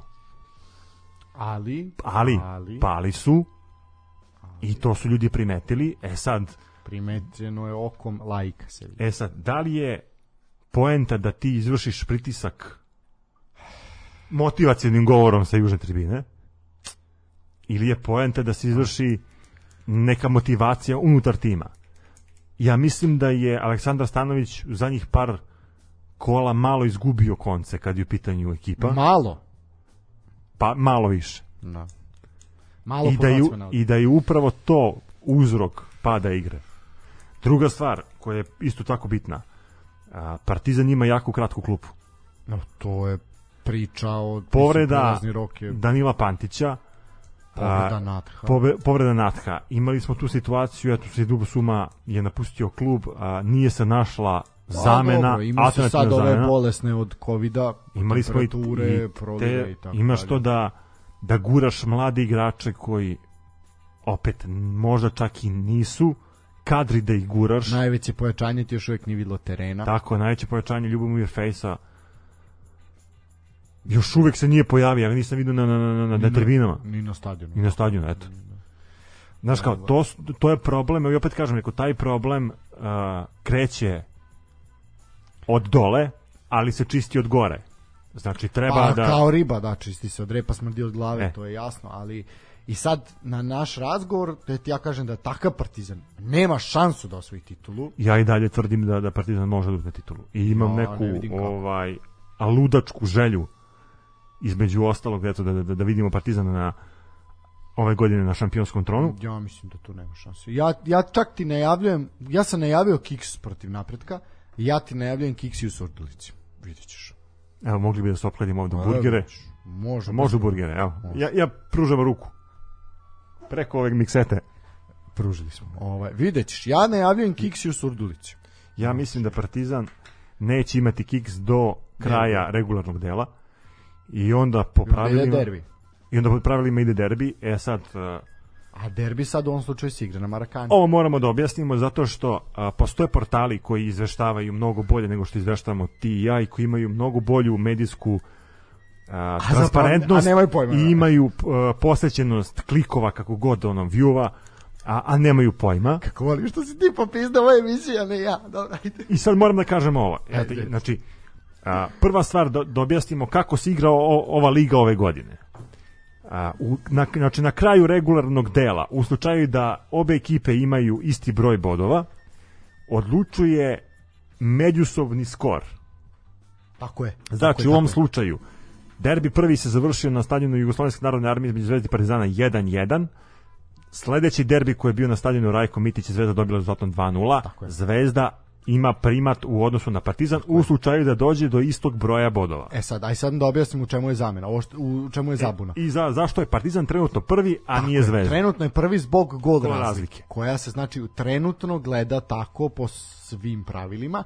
ali znači nakon kraja šampionata i nakon kraja regularnog dela će se gledati međusobni skor, pa ako je međusobni skor izjednačen, onda se te gleda gol razlika. Znači to je jako bitno za znati i jako bitno je da ove godine nema podele bodova. Bodova, tako je. Znači to je E, isto. znači računajte da imate još tri kola do, do kraja regularnog dela Tako je. prvenstva. I treba znati da će prednost domaćinstva imati u ovom slučaju Crvena na zvezda. Ako ostane do toga da Ako Partizan osvoji svih mogućih maksimalnih 9 bodova, a da tu isto učini Crvena zvezda. Dobro, aj sad kad si mi ovako zapaljen, uh, komentar na uh, kad smo već prokomentarisali navijače Partizana, sad nećemo ostati ni ovima drugima dužni. Uh, all we are saying is give peace a chance. E, ovako, Aj, aj sad, znači, samo kratko, ko nije vidio, mada svi su videli. Znači, velika poruka mira, gde su istaknute po godinama, uh, da ne mogu reći agresije. Pa ne, napravili Da, su hijerarhiju svih bitnih napada, ratova, sukoba, kako god, eto, najbolje reći, da. koji su se dešavali u svetu. Od 1950. I ovaj, ovaj put 2011. moram samo da pohvalim istoričare koji su među navijačima Crvene Tačno, zvezde, da. koji su izneli sve to. Pritom ja za neke ratove stvarno nisam znao. I jako da, važan za ovo je- neko ko se bavi društvenim sukobima. Guatemala i ovo, E. na primjer, to nisu to, ali ovo sve osuštini to. Uh, aj sad, okej. Uh, I sad pazi, sad se to predstavlja kao veliki mirovnjaci, veliki ono porci za mir, će im dati Nobelovu nagradu za mir. Ja mislim da treba da su zaslužili. A niste shvatili kako je to proseravanje zapravo i šta to por- poručuje. Znači svi, svi portali evropski su preneli jo, kao ono naš poruka mira iz Srbije. Nije ovo poruka mira, dragi moji, nije ovo poruka mira. Dobro pročitajte koje su ovo, znači, kad pročitaš gde i šta je. Vrlo jasno se aludira da je ovo podrška Rusiji, a protiv NATO i NATO alijanse i, I Evropske unije, i Evropske unije i Amerike i tako dalje. Znači nisu navijači Crvene zvezde preko noći postali pacifisti, nisu. Kao što ni to nisu pokazali na bazenu preko i mesec kad su terali ovaj Trenera. čoveka zato što je Hrvat iz Crne Gore i zato što je član SDP-a bio, znači to nije, ili ljudi isti koji viču nožica Srebrenica i tako dalje i tako dalje. Znači preko noći se nije naučilo ničemu, ali je vrlo dobro napravljeno, ovo je vrlo dobra maska za onoga ko ne gleda malo dublje, što bi rekao Darko, koja je pozadina svega ovoga, će reći, a, gospoda, dok je Nemac rukama, Srbin je viljuškom boc. A zapravo, dragi moji, mnogo gora poruka iza ovoga. Ovo je čisto, ovo je realno stav naše države, samo što to trenutno naša država ne sme da kaže. Ovo je stav. Sva podrška Rusiji, ko vas jebe, zdrobite ih. E, tako je. Znači, krivi ste vi za mnoge stvari. I ono što meni jako smeta, što su, sve su nazivi država. Znači, Koreja, Gvatemala, Indonezija, Kuba, Vijetnam, Kongo, Laos, Brazil, Dominikanska republika, Grčka, Afganistan, da- Argentina, tako dalje, Nikaragva, Filipini, Jugoslavija, Afganistan, Jemen, Somalija, Sirija, Libija, Sudan, a između Iraka i Sudana ne stoji Bosna i Hercegovina, nego stoji Republika Srpska. Zašto nije stavljeno Bosna i Hercegovina? Ako smo već e, veliki zagovornici mira, zašto nije Bosna i Hercegovina, zašto je Republika Srpska kad to nije država? To jeste entitet, ali nije država. Ovo su sve ostalo države. Dobro, ajde sad ono, kao gledamo politički, a, znaš, Smo se zapalili obojica. Pa jeste, neke, neke stvari su namerno izostavljene. A pa I naravno, to je zato što to služi, mislim, u suštini, da bi služilo svrsi. tako je. Znači, to je ono, propagandni materijal je koji je tu napravljen čista. tako da bude ono, plasiran, da ljudi mogu da pričaju. Isto kao što je to bila ta koreografija Crvene zvezde za, za derbi, odnosno njen, njenih navijača, gdje se pričalo o žutom a, mesecu, pa onda ukrajinska zastava, trt mrtovo. E sad, znaš kao, to oni dobro rade i ja njima skidam kapu za to što rade, jer stvarno nekako dovode čoveka u poziciju da može da gleda iz, uh, i sa leve i sa desne strane, iz jednog i iz drugog ugla. Ali, uh, obzirom da znamo kakav je stav navijača Crvene zvezde prema UEFI, kakav je stav prema uh, NATO, kakav je stav između ostalog i prema toj nekoj Ruskoj federaciji, pošto eto Zvezda ima prijateljske odnose sa navijačima Spartaka. Bio je transparent, izvini, u Glazgovu, gde su ih optužili da koriste imaju pomoć agresora da zarađuju za Dobro, to agresora zbog što nose Gazproma. Gazprom, E, da. i to, to, to mi je drago što si te to, to spomenuo. Ja sam pre neki dan baš ono saznao neki ovako, neku informaciju i, i neki podatak koji je meni jako značajan i zašto želim ovo da, da, da podelim. Uh, to je se tiče uh, odnosa uh, Lakovića i Čeferina Dobro. Gde su na- Laković i Čeferin onako poprilično dobrim odnosima i da rukovodstvo Crvene zvezde ima još bolji odnos i sa Čeferinom i sa Lakovićem i da je to razlog zašto a, zvezdu niko ne dira zbog Gazproma.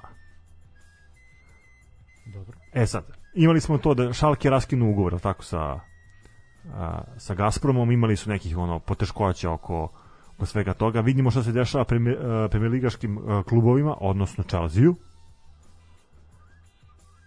Vidimo šta se dešava i drugim klubovima koji imaju a, udela ruskog kapitala u svom vlasništvu. Niko nije spomenuo Crvenu zvezdu, osim navijača Rangersa. Da sam ja čuo da neko rekao, ja sam sam, si, nije niko rekao. E, da. ja sam sad, znači, eto, navijači Rangersa su bacili ono udicu, pa kao ko su upeca, upeca. A, druga stvar, isto važna kad je u pitanju Crvena zvezda.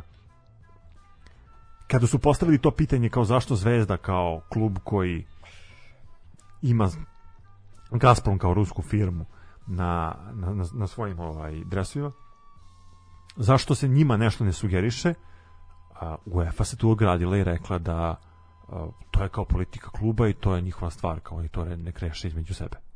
E, to je to što, je, što mi daje za pravo da je ta informacija koja je vezana za odnos Crvena zvezda, Laković, Čeferin i da je ta ko- konekcija poprilično dobra, da je to u suštini preduslov da Zvezda i dalje ima mogućnost da eksploatiše taj a, ruski kapital preko Gazproma kao glavnog sponzora. Opet kažem, ovo je informacija koju sam ja dobio i za sad se potvrđuje kao tačna. Kao je tačno. Znaš, jer niko zvezdi nije sugerisao Ne, ne, ne, ne. I to je znači, to. Sta, kao što si sam rekao, stavljeno je na slobodnu volju klubu da odluči šta će da radi. Uh, a sad Ali vidiš, dru- drugim klubovima u Evropi nije baš stavljeno na, na, na slobodu. Ali, e, ali u čemu je razlika? Druge E sad- države su druge države su jasno osudile agresiju, uvele sankcije. Naša Upravo država nije ništa uradila. Tako je. Znači, Samim tim zašto bi klub uradio bilo šta? Tako je. Druga stvar, a, mi nismo članica Evropske unije. I to je istina. I tu Evropska unija nema ingerenciju da, A- da napada direktno. E, zapravo se da izdato je izdato je saopštenje ili već je donešeno kako to ćemo to da nazovemo pravno donešen je akt gde se od čla, od zemalja koji su kandidati za članstvo u Evropskoj uniji očekuje da e, se izjasne po na tu temu i na mnogi nam zvaničnici zameraju zašto se mi ne izjašnjamo po toj temi Zato a što reći ta, ćemo, pri, ta priča kao Evropske unije završena davno. Između ostalog, ali mi se ne izjašnjavamo zato što su kod nas izbori. Jel, predizborna kampanja je u toku i zato se mi ne izjašnjavamo. Izjasnit ćemo se i tekako 4. aprila. Da vidiš kako ćemo se izjasniti. Znači odmah. Veruj mi, vidjet ćeš. Znači možemo se i to opkladiti. Ja sam prilično siguran da će se 4. aprila uh, Vučić skinuti naočare i uplakano reći, a ljudi morao sam. Vidjet ćeš. Nakon što osvoji 80% glasova. Tu nema priče nikakve.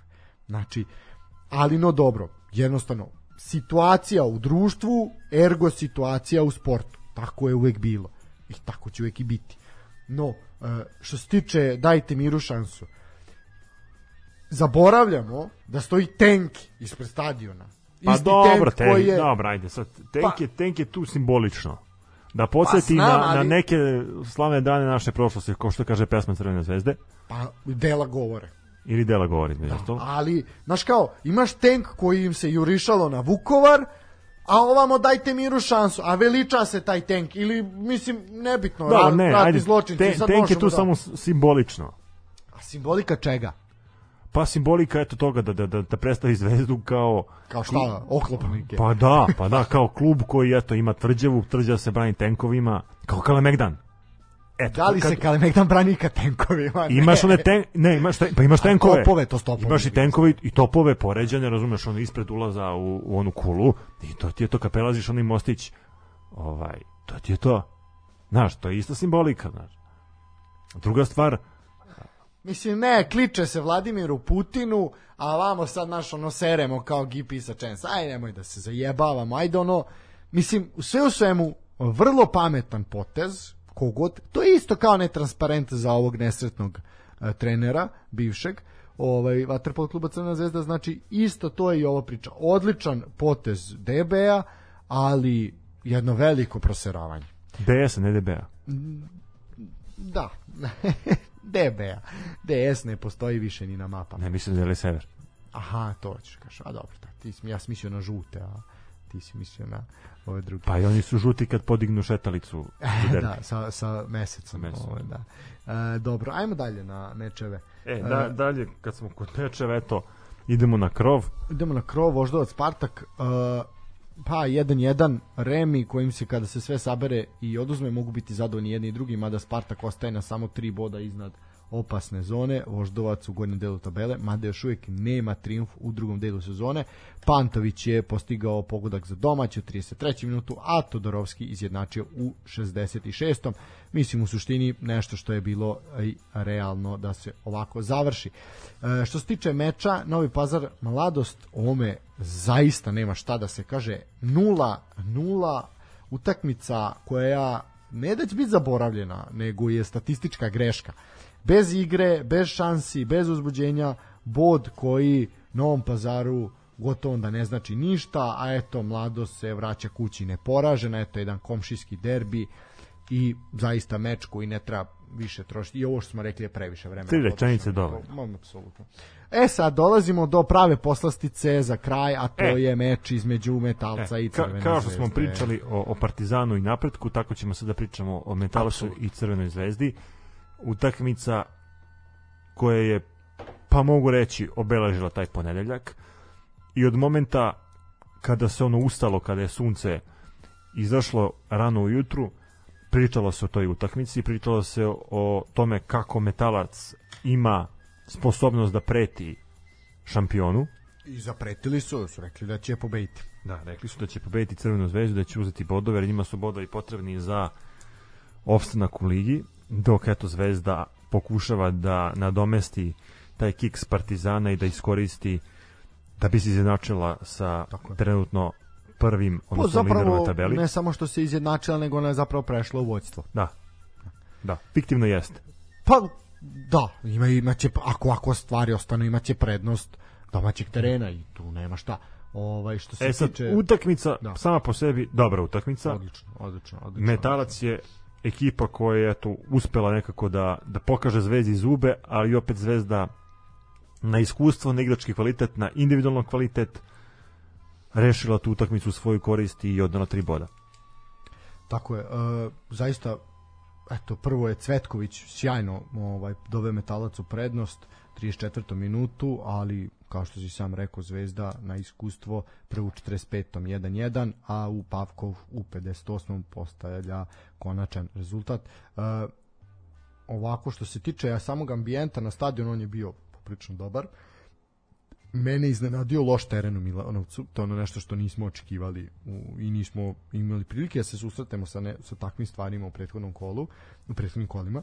E, Kataj je odličan bio, asistirao je ovaj, Ohiju za pogodak, e, Pavkov je iskoristio grešku domaćih i onako je trenutak nepažnje ovaj, iskoristio asistenciju Ivanića i opet se pokazala na priča da kada Kataj i Ivanić su na visokom nivou, a sad imaju i Ohija koji je poprilično standardan, ovaj, to sve ovaj ne treba ne treba puno brinuti i ne treba a, nešto puno lupati glavu da se na kraju ispasti onako kako treba i kako navijači Crvene zvezde žele. A, 2-1 za veliko slavlje igrača Crvene zvezde i za eto izjednačavanje s broj bodova, a definitivno i prednost u odnosu na Partizan i prednost domaćinstva u tom derbiju. Kao što si i sam rekao, ostalo je još tri, Tri kola kola, do do kraja, da.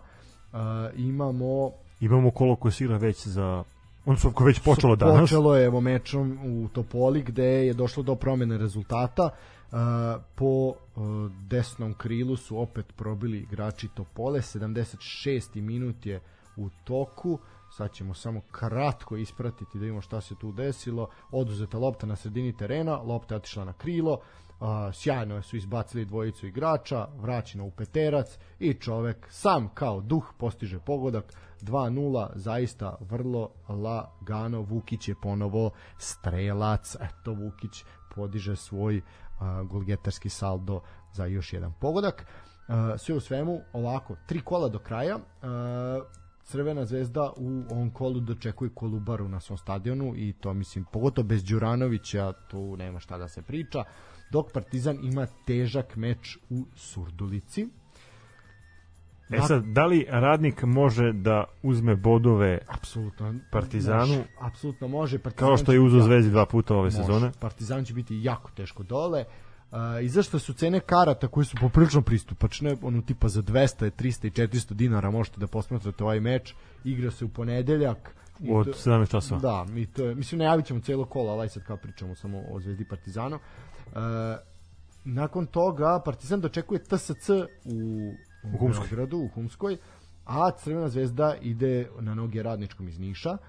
U posljednjem kolu, evo vidiš kako je ovo namešteno, u posljednjem kolu Partizan gostuje Čukaričkom jel, kod Saša Ilića, a Crvene zvezde dolazi Nenad Lalatović.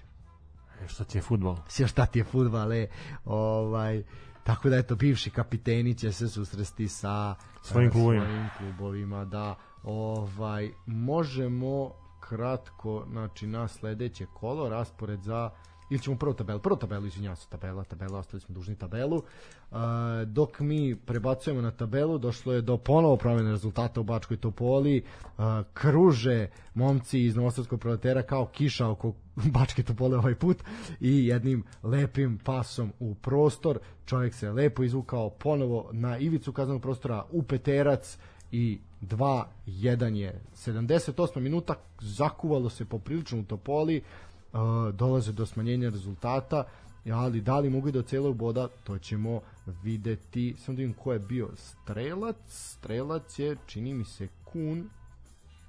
Ne, pardon, Ilić je strelac, izvinjavam se, Jovan Ilić je strelac. Dobro, e, idemo na tabelu. E, možemo od gore, jel? Znači, Partizan tehnički prvi, ali ima isto bodova kao Crna zvezda. Kada bi se zašlo prvenstvo, Zvezda bi preuzela prvu poziciju.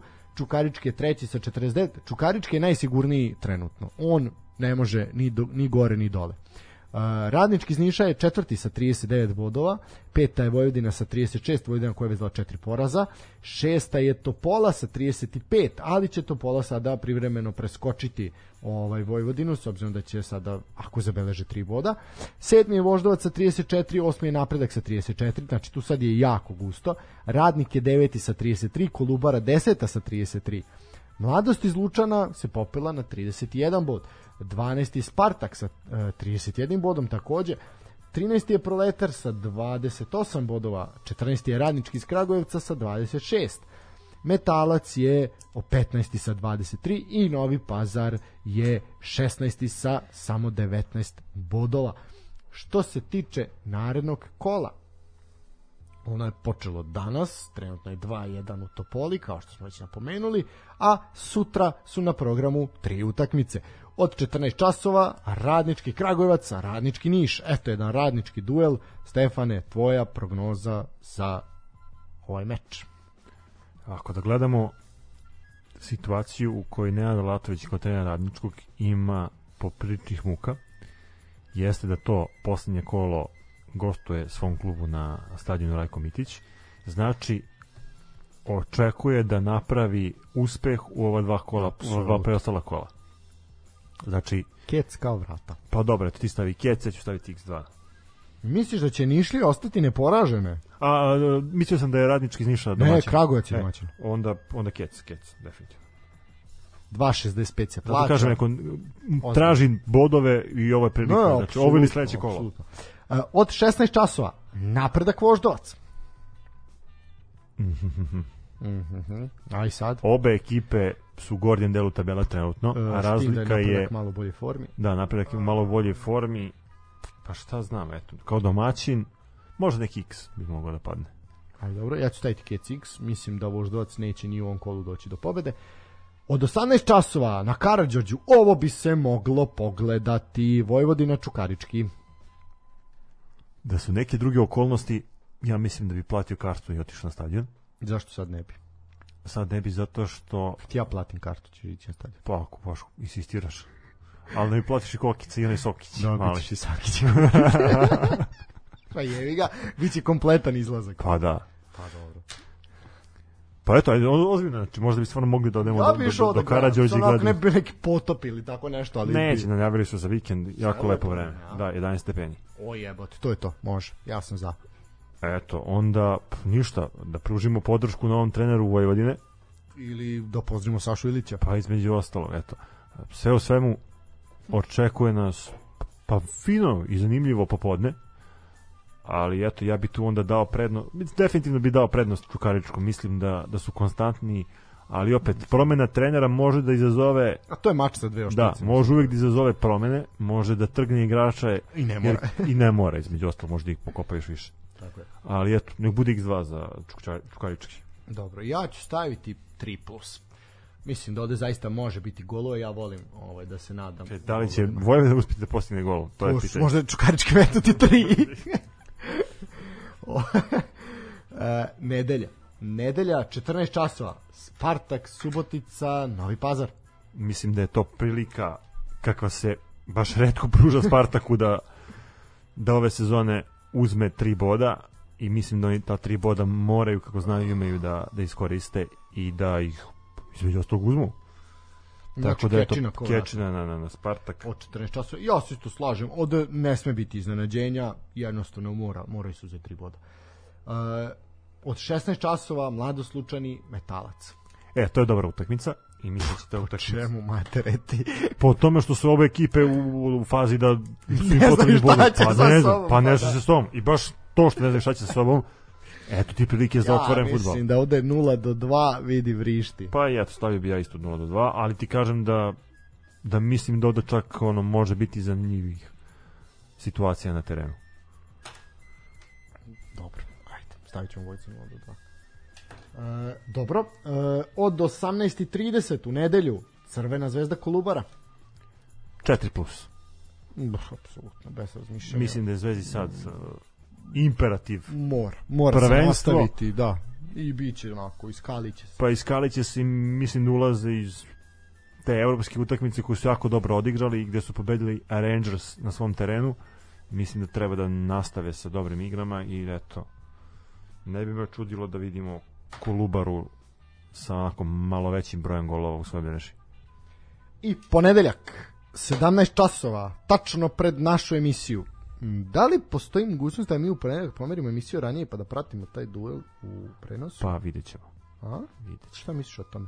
Jer mi ako počnemo od 19 časova, to će se taman završiti. A Milo možda bi bilo dobro počnemo možda malo ranije, pa da malo pričamo o tome, malo prenesimo, ako se bude zakuvalo na Surtuličkoj bombonjeri pokraj murala Pixija i Maradona. Ovaj, Man Pixija količina Đuroskog. da. Dobro, mo, vidi, može se zakuvati. Ovaj, da li će selektor biti prisutan? Eto, pitanje. Pa znaš kako, ovo je utakmica gdje bi stvarno mogu da ode, znaš kao, pa što radiš ponedeljkom? A selektor si reprezentaciji. A pre nego što slušaš sportski pozdrav. Pa da, a ono kao, znaš da ti je Budimpešta koliko 400 km od Beograda, kao da što možeš da odeš za čas, ne možeš da letiš avionom, u stvari moraš da letiš avionom, zato što si ti selektor A reprezentacije. A kao, ako si 0.21 ideš ono bla bla kara, ono, Pa da. Šta znam, ono kao, možda bi mogu da dođe. Pa treba bi. Pogotovo što ga ovi optužuju da ne prati domaći futbol. Koliko optuže? Pa Terzić je mu rekao da nije bio na stadion Crvene zvezde. Pa dobro, to što nije bio stavio crne zvezde, ne znači da ne prati domaći fudbal. Ali eto, znaš kao, on može Pa ne, krene, ne, ne prati uživo, ne prati uživo. Da, da. on može da krene, za Surdulicu, pa usput svrati do Niša da ono, plati račune za svoju kuću i poseti majku i kako to već ide. Pa Ne, najzbiljnije, ti kažem. Yes. Znaš kao, eto ti razlog da, da odeš, ono, spajaš lepo i korisno, poslovno i privatno. Ovaj, dobro, ajde. Ne znam, ja tu čekam pobedu Partizana. A ja ne znam Ali- da čega ti optimista toliki, ali ajde. Mislim, vidi, ako Partizan pristupi meču kao što je pristupio protiv Feynorda u Holandiji, mislim da je u redu. Ali da li će Partizan uspesti da po, postigne pogodak? Znači, s obzirom da radnik nije primio go šest mečeva. Pa vidjet ćemo. Znači, a evo ovako, moja opklada je, pošto smo se ukladili ovo, moja opklada je, je ovako, je Kecix. Dobro, ja, ja, ja tipujem na Ket čistko vrat. Odnosno na, na, na dvojku, na dvojku, na Partizan. Dragi moji, snimit ćemo story kad budem jeo na njegov račun. Ja sam spreman da isfinansiram to, ali sam ubeđen u... Sam U uveć pobedu da, ajde, okej. Ma, A znaš kao, ja sam ovo namerno da bih izbaksuzirao, znaš kao, da bi, da bi se nastavio. Pazi. Nikad se ne zna. Lopta je okrugla. Lopta je tako je. E, dobro, u suštini, e, to bi manje više bilo to. E, Ćemo jednu pauzu, mogli bi pauzu. e, pa može na pauzu, pa ćemo polako završavati. Čekaj što imam ja to od pjesmica. A može nešto opušteno, a? Može, ajde. Gospodja Robinson, uživajte. And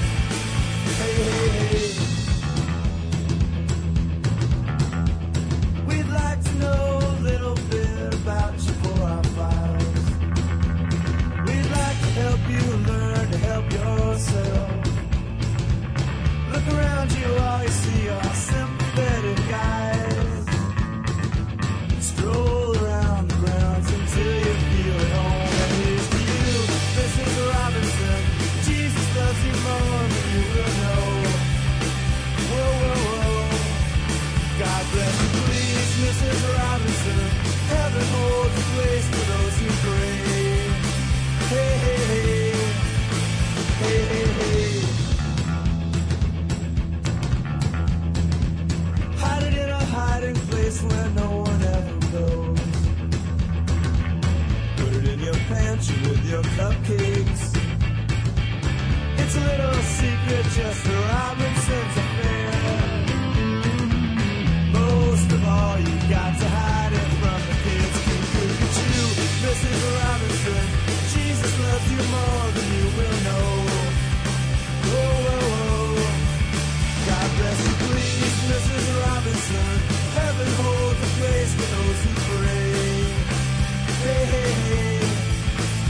Every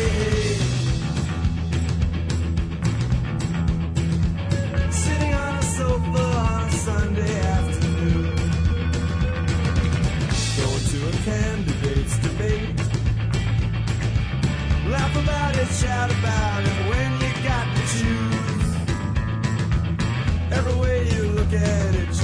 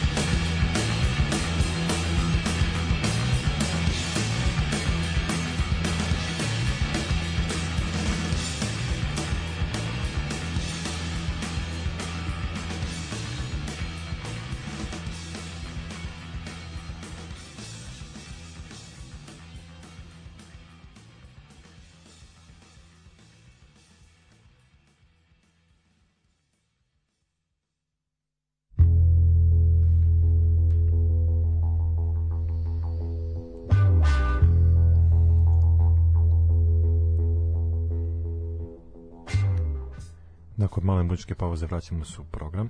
Ovo je posljednji segment naše emisije. Možda, možda. Pa ja mislim da jeste definitivno. Pa da, ušli smo i u nadoknadu vremena u Topoli. 91. minut je na isteku, 3 minuta će se još igrati, 2-1 je za TSC. Mi ćemo malo duže da igramo. Pa tih malo. 3 minuta. Još malo, toliko možemo, 3 minuta, možemo duže od 3 minuta da izdržimo još uvijek.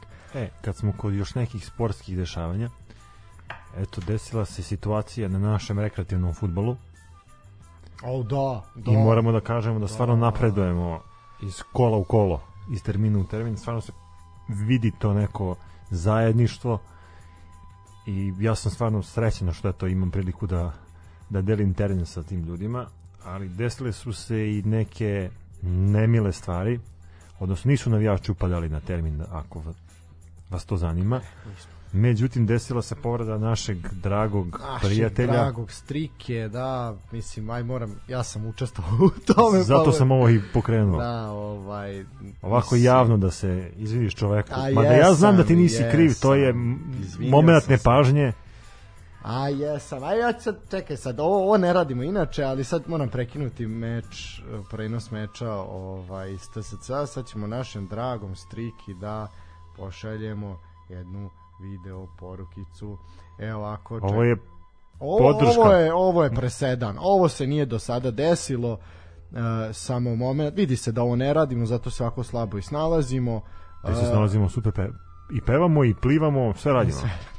Ovaj O bože, evo ga. Evo ga za našeg dragog striku. E, e sad ovako. Pošto su bile situacije na rekreativnom futbolu koje nisu primerene i eto, nemila situacija se dogodila tu negde pred kraj Pa neki poslije 15 minuta, da. Pa to je to Tako je. kobno vreme Da. kad dolazi do svega. Ovaj i moment nepažnje trenutak nepažnje i neiskustva mladog Stanislava je ovaj dobro sad ne više tako mladog je doveo ne, do ti još uvijek jesi mlad do 26. Aj, imam kurac. U stvari, do 30. jesi Do mlad. 30 tamo ćeš dobiti po- 100 eura. Po Evropskoj uniji mladi su od 15 do 30. Pa dobro, zato i dobijam 100 eura. Ali ja gledam kao tu kategoriju od do 26 je kao do tad imaš pravo da koristiš onu ovaj euro 26 karticu. Pa jeste, pričamo ono ne otvorenije. Ovaj sve u svemu eto, mi želimo našem drugu Našem dragom prijatelju Striki, Triki evo, ti- da da poželimo Želimo da poželimo. pa da želimo da poželimo uh, ugodne ugodne bolničarske dane. Pošto mala je razlika između kućnog lečenja i, i bolničkog, Gotovo nikakva. samo ishrani. Sa, pa da, sa, dobro, da, ajde, ajde. Zavisi, ako ste Zeka Jojić, onda ishrana je ista. Sve u svemu želimo mu brzo poravak, da nam se što pre vrati na travnate podloge i želimo mu da, da izgura ovaj period najbolje što može. Da, evo, ja moram, ovaj, kao vinovnik tog incidenta, ovaj, isto da, evo, krenut ću kameru ka sebi, znači ovako, kao vinovnik tog incidenta moram reći da je meni jako žao, mada ljudi kažu da ja nisam kriv, ali eto, osjećam neki, neku ovaj, krivicu, jer sam svojim zalaganjem ovaj, doprineo tome da strika sada nepomično leži, ovaj, tako da strika, šta ti kažem, ovaj, žao mi je, drži se, čuvaj se, ovaj oporavi se što pre pa da se ponovo zajedno družimo i da ponovo razvaljujemo Daška u fudbalu. Mislim da to nije mnogo teško. Ovaj tako da All we are sad is give peace a chance. a, dobro, a kao je treba ozbiljna poruka za mi sprdamo s čovekom, a nama strika zaista drago. Pa nije, pa eto, znači, desio se konflikt, ja samo kažem, all we are sad is give, give peace a a chance. Ili give klavikula a chance u ovom slučaju. Ništa. Ništa, to. izdrži, strika, druže. Strika, drži se, uz tebe smo. E, sad kad se završio, završio ovaj prenos, ovaj to će završiti striki u inboxu. Mislim da će čovjek poželiti da slem, slomi sebi i drugu ključnu kost. E, moramo spomenuti jednu vest koja je e, onako ispod radara prošla, a to je da Superliga ima e, Superliga ima novog sponzora. E, o čemu se radi? Ovako, e, IMG, IMG Arena, vodeća kompanija za sportske sadržaje i tehnologiju, imenovana je za zvaničnog partnera za prikupljanje podataka za potrebe fast bettinga Ling Long Tire Super Lige Srbije na pet takmičarskih sezona, počev od sezone 2022-2023. E, šta radi ova kompanija? Ona preko svog odeljenja za sportske usluge i sportsko klađenje prikuplja podatke iz takmičenja sa utakmica uživo na stadionima i distribuira ih stotinama licenciranih operatera sportskih kladionica širom sveta za manje od sekunde.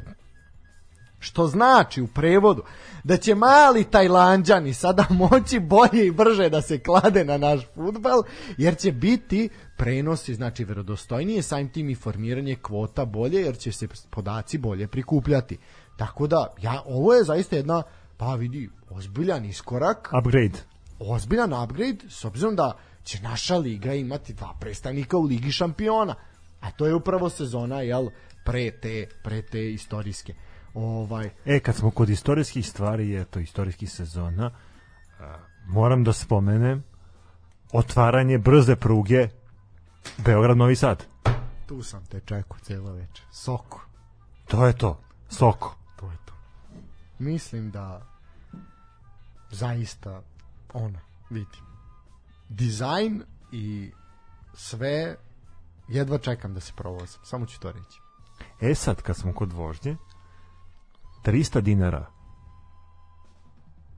u subotu, odnosno sutradan, imamo prilike da odemo do Beograda i da se vratimo. Za 300 dinara. Tako.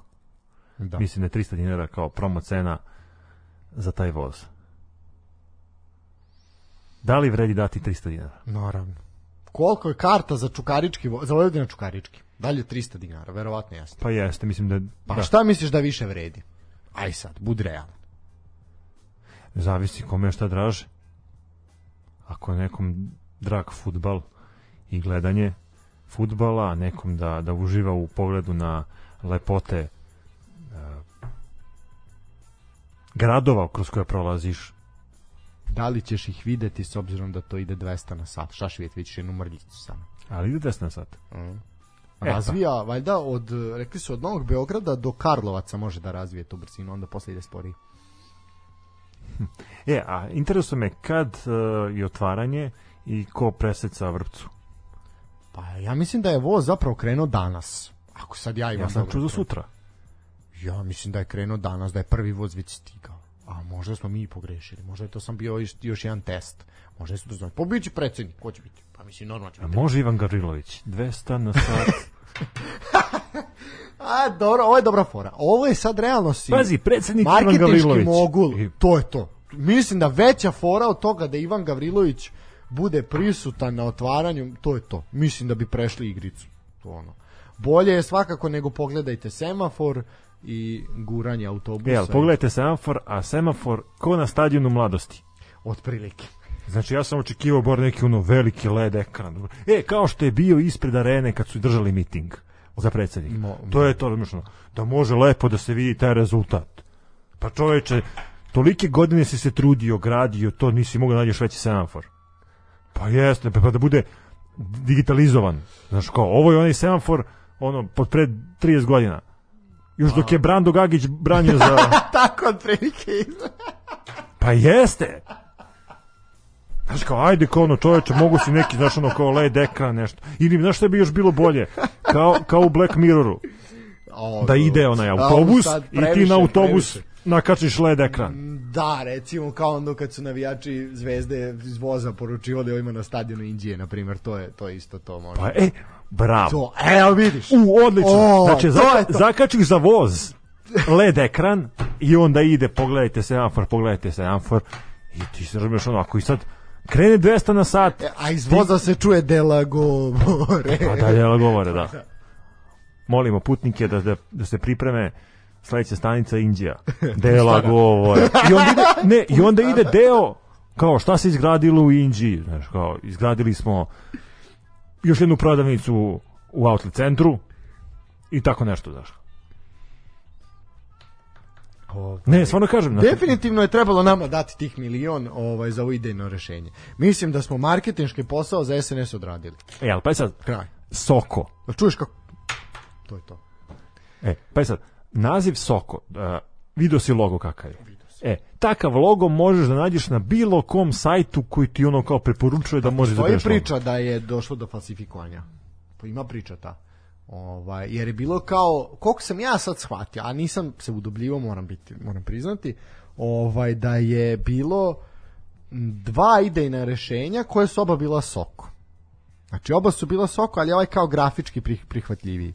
E sad, a onda su napali da je ovo plagijat. E sad, aj sad.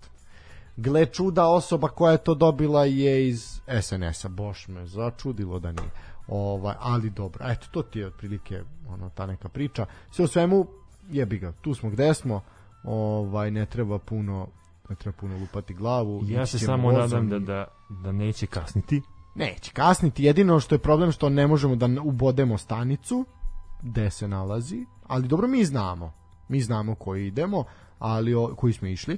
A ovi sad novi koji hoće sad oni da furaju vozom, da budu avangarda, vamo tamo, sad oni ne znaju gde je Prokop. E pa sinovi, jebi ga, naučit ćete. Pa da, naučit ćete. Imate turističku organizaciju, pa nju pitajte. Koga da pitaju? Turističku organizaciju grada Beograda. Ajde, nećemo se zajebavati ovaj više. Ovaj video si da su biće na sprat nešto vamo tamo neki E, to, to mi da. se sviđa, zato što ja sam se To vozio se ovaj, po Evropi sa tim, ono, double, Globetrotter. double soko. E, znači, e, double soko, da. Pa eto, znaš, kao, dvoglavi so, a brate, što onda nije orao pičku mater, što je soko jebote, što nije orao, pa bi bio onda dvoglavi, naš kao ima dupla. Pa jebo, što nismo orao nazvali, što soko u pičku, Znaš kako to bez veze, ono, daj piši mail, uzmemo milion. Pa bolje da je orao, ja za nije bolje da je orao. Nek soko, jebe mu soko, ne, a možda neka druga životinja. a koja majke. Zec. A ne, može zec, zec je plašljiv. A može zec biti. Ne može biti ni medved, medved je spor. Ne može. Mislim, mora biti ora, ne biti soko, jebi ga. Nije nam soko nacionalna životinja, nego ora. A tako, i to Pa, dvogla. da. Pa, jebi ga. I onda se mi, znaš, ono, to je tradicionalno. Onda kad šaćiri to pokazuje, mi se ljutimo. E, a možda smo trebali da damo naziv po nekoj bitnoj istoričkoj ličnosti. Nikola Tesla. Aj nek bude i to Nikola Tesla, pa će se oceliti iz ove države definitivno. Ne, mo- maš tko, A ne. a ne možeš dati kad ovi već imaju avione. Znači, ako Dejan Stanković ima avion, aj neka Aleksandar Stanović ima voz. Ne, sad razmišljam. Zašto nije Dragan Stojković Pixi? Ja bi se vozio da je Dragan Stojković Pixi. Da se zove. Ili ima Da- da Pixi zove avion? Pixi. Nema. Ne. Što je Pixi, Pixi voz? Pa Pixi voz. Može. Ja bi, to, ja bi se vozio odmah.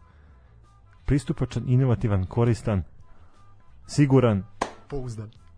i sam i mi treba na kraju i I in, inovativan, sve rekao inovativan. jesam, znači mora Inspirativan. Inspirativan. A ne može inspirativan, mora nešto bude Mm, čekaj. izgubljen. pa kao i država. ne, nego u foru instant, recimo, kao naš on, pšu, odmah je tu, Pixi. Da kažeš Pixi.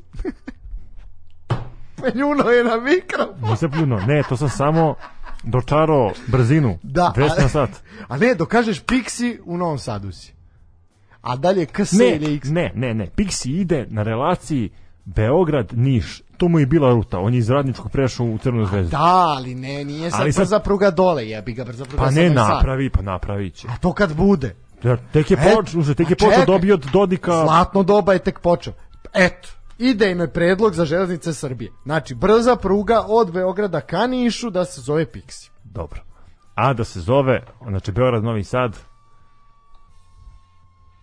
Kako? kako bi mora se zove? Pa ne, ne, mislim... Pa Gonis. Pa jeste. Mislim, Goni se, da. pa Goni se, da. Gonite se nazad. Odakle ste i došli. Može mogu biti jogurt. Zašto ne zvao jogurt? Ne, ovo mi dobro, pa Goni, pa Goni se, pa Goni se. Pa goni se, da. Dobro, ovo, ovo je... Ovo je dobro, ovo je dobro, ovo je dobro. fora. E, dobro, družimo, hoće mi završavati polako. za Pa vreme, vreme. Već smo otišli ove političke teme gde E, ne plivamo baš najbolje. Ovaj, Pa ne plivamo, ali se vozimo. A vozimo se brzo. e, dobro, e, da najavimo gosta za ponedeljak. U ponedeljak naš drugar i ovaj i veliki humanitarac veliki humanitarac, e, pesnik, poeta, prijatelj srpskog naroda i kolekcionar. i kolekcionar, mada sad pitanje kolika mu je kolekcija, koliko je prodao, a, veliki, veliki Jovan Simić, znači, eto, a, idejni tvorac i predsednik futbolskog kluba Miljakovac i ženskog futbolskog kluba Miljakovac će doći da sa nama malo bistri. E sad, nadamo se da će doći sokom. Mm, to bi bila fora, to bi bila poprična fora. Da će doći sokom, pitaćemo ga. Pitaćemo ga da će doći sokom. I da li će mu trebati više vremena da ode do, od Da mu Miljakovca do dresove? protoka? Da li će doneti dresove? Ja. E, to je bolje pitanje. To je bolje pitanje, mi bi mogli te dresove konačno vidjeti. E, nažalost, ovaj put ćemo emisiju završiti malo ozbiljnije i malo tužnije, jer u onu vremenu od prethodne emisije do danas imali smo nažalost e, dve onako jako tužne tužne vesti ali uz naravno sve počasti i Dragoslavu Jeremiću uh, ipak mene lično, a verujem i tebe, je više dotakla odla, vest o odlasku Nebojše Ušketa Vučičevića uh, u 60. Uh, godini čovek koji je to bio aktivan među veteranima fudbalskog kluba Partizan nažalost se na jednom rekreativnom terminu ovaj onesvestio i pozilo mu je i jednostavno je preminuo, nisu uspeli da ga povrate. A, tako da da, rekreacija može biti opasna i zajebana i pazite se i ozbiljno pristupajte tome, ovo važi i za striku. Ovaj isto, eto sad malo da se nadobicimo, malo našalimo. Ovaj, sve u svemu, što se tiče Ušketa, najzapaženije rezultate u karijeri svakako je ostavio u Partizanu, za koje je nastupao od 84. do 89. Postigao je 26 golova na 140 utakmica, pritom osvojiši i dve titule prvaka Jugoslavije i jedan kup. U Partizan je došao iz Ofka Beograda, u koji je stigao sa 14 godina iz Palilulca. Nakon Partizana odlazi u Mec na jednu sezonu, pa potom polusezonu u Salamanku, odakle se vraća u Ofka Beograd. Nakon druge epizode Ofka Beograd odlazi u korejski Daevu, gde provodi dve sezone, a potom i u kiparski Evagoras. U Srbiju se vraća 96. godine, e, uniže ligaša iz Umčara, a potom je godinu dana igrao u Sloveniji za železničar iz Maribora, Muru i Korotan, gde završava futbolsku karijeru i nastavlja futsal karijeru u SED-u ekipi Kansas City-a. kao trener vodio je čak 15 ekipa od kojih su najzvučnija imena Obilić, Hajduk iz Kule, Sloga Kraljevo, Timok i Novi Pazar. Posljednji angažman imao je e, nakon ovog pazara imao je u Smederevu, a njegov sin Vanja proveo je dve sezone u Crvenoj zvezdi. Naše veliko saučešće kako porodici, tako prijateljima i svim onim koji su poznavali ovog zaista jednog gospodina, može se reći, gospodina s velikim G i onako, nažalost, ostajemo sve više bez takvih gospodina i bez takvih ljudskih gromada kao što je bio Uške, a nažalost ono, šljam ostaje, tako da šta da radimo, a među njima i mi. Pa tako je, ali eto, nije baš sve tako crno, Znaš, postoji, ne, sivo. postoje neke stvari koje su, eto, dobre bar kad je u pitanju ova nedelja a, i s time želim da završim ovu emisiju. A, naša zemlja je domaćin a, svetskog prvenstva u atletici, Tako je. to je mislim jedan od možda i najboljih događaja koji je eto dat a, našoj zemlji da se organizuje i jedna velika smotra atletičara će biti u Beogradskoj areni a, traje 3 ili 4 dana kako sam informisan Od 18. do 20. eto znači koliko 2-3 dana to je to što se tiče atletike a, A. naša zemlja je na velikom ispitu i nadam se da ćemo uspeti taj ispit Kako organizacijalno, tako i takmičarstvo. Tako je, da, da, da položimo, eto mi očekujemo od naše sugrađanke Ivane Španović da nas možda obraduje nekim dobrim rezultatom. Mogla bi. A, direktni prenosi svih borbi će biti na areni sporta. A, eto, to bi bilo to za ovo večerašnje uključenje. Vi pratite sport, pratite sportski pozdrav. A, mi se vidimo u ponedeljak a, sa našim specijalnim gostom i do tada vam želimo ugoda vikend i sportski pozdrav.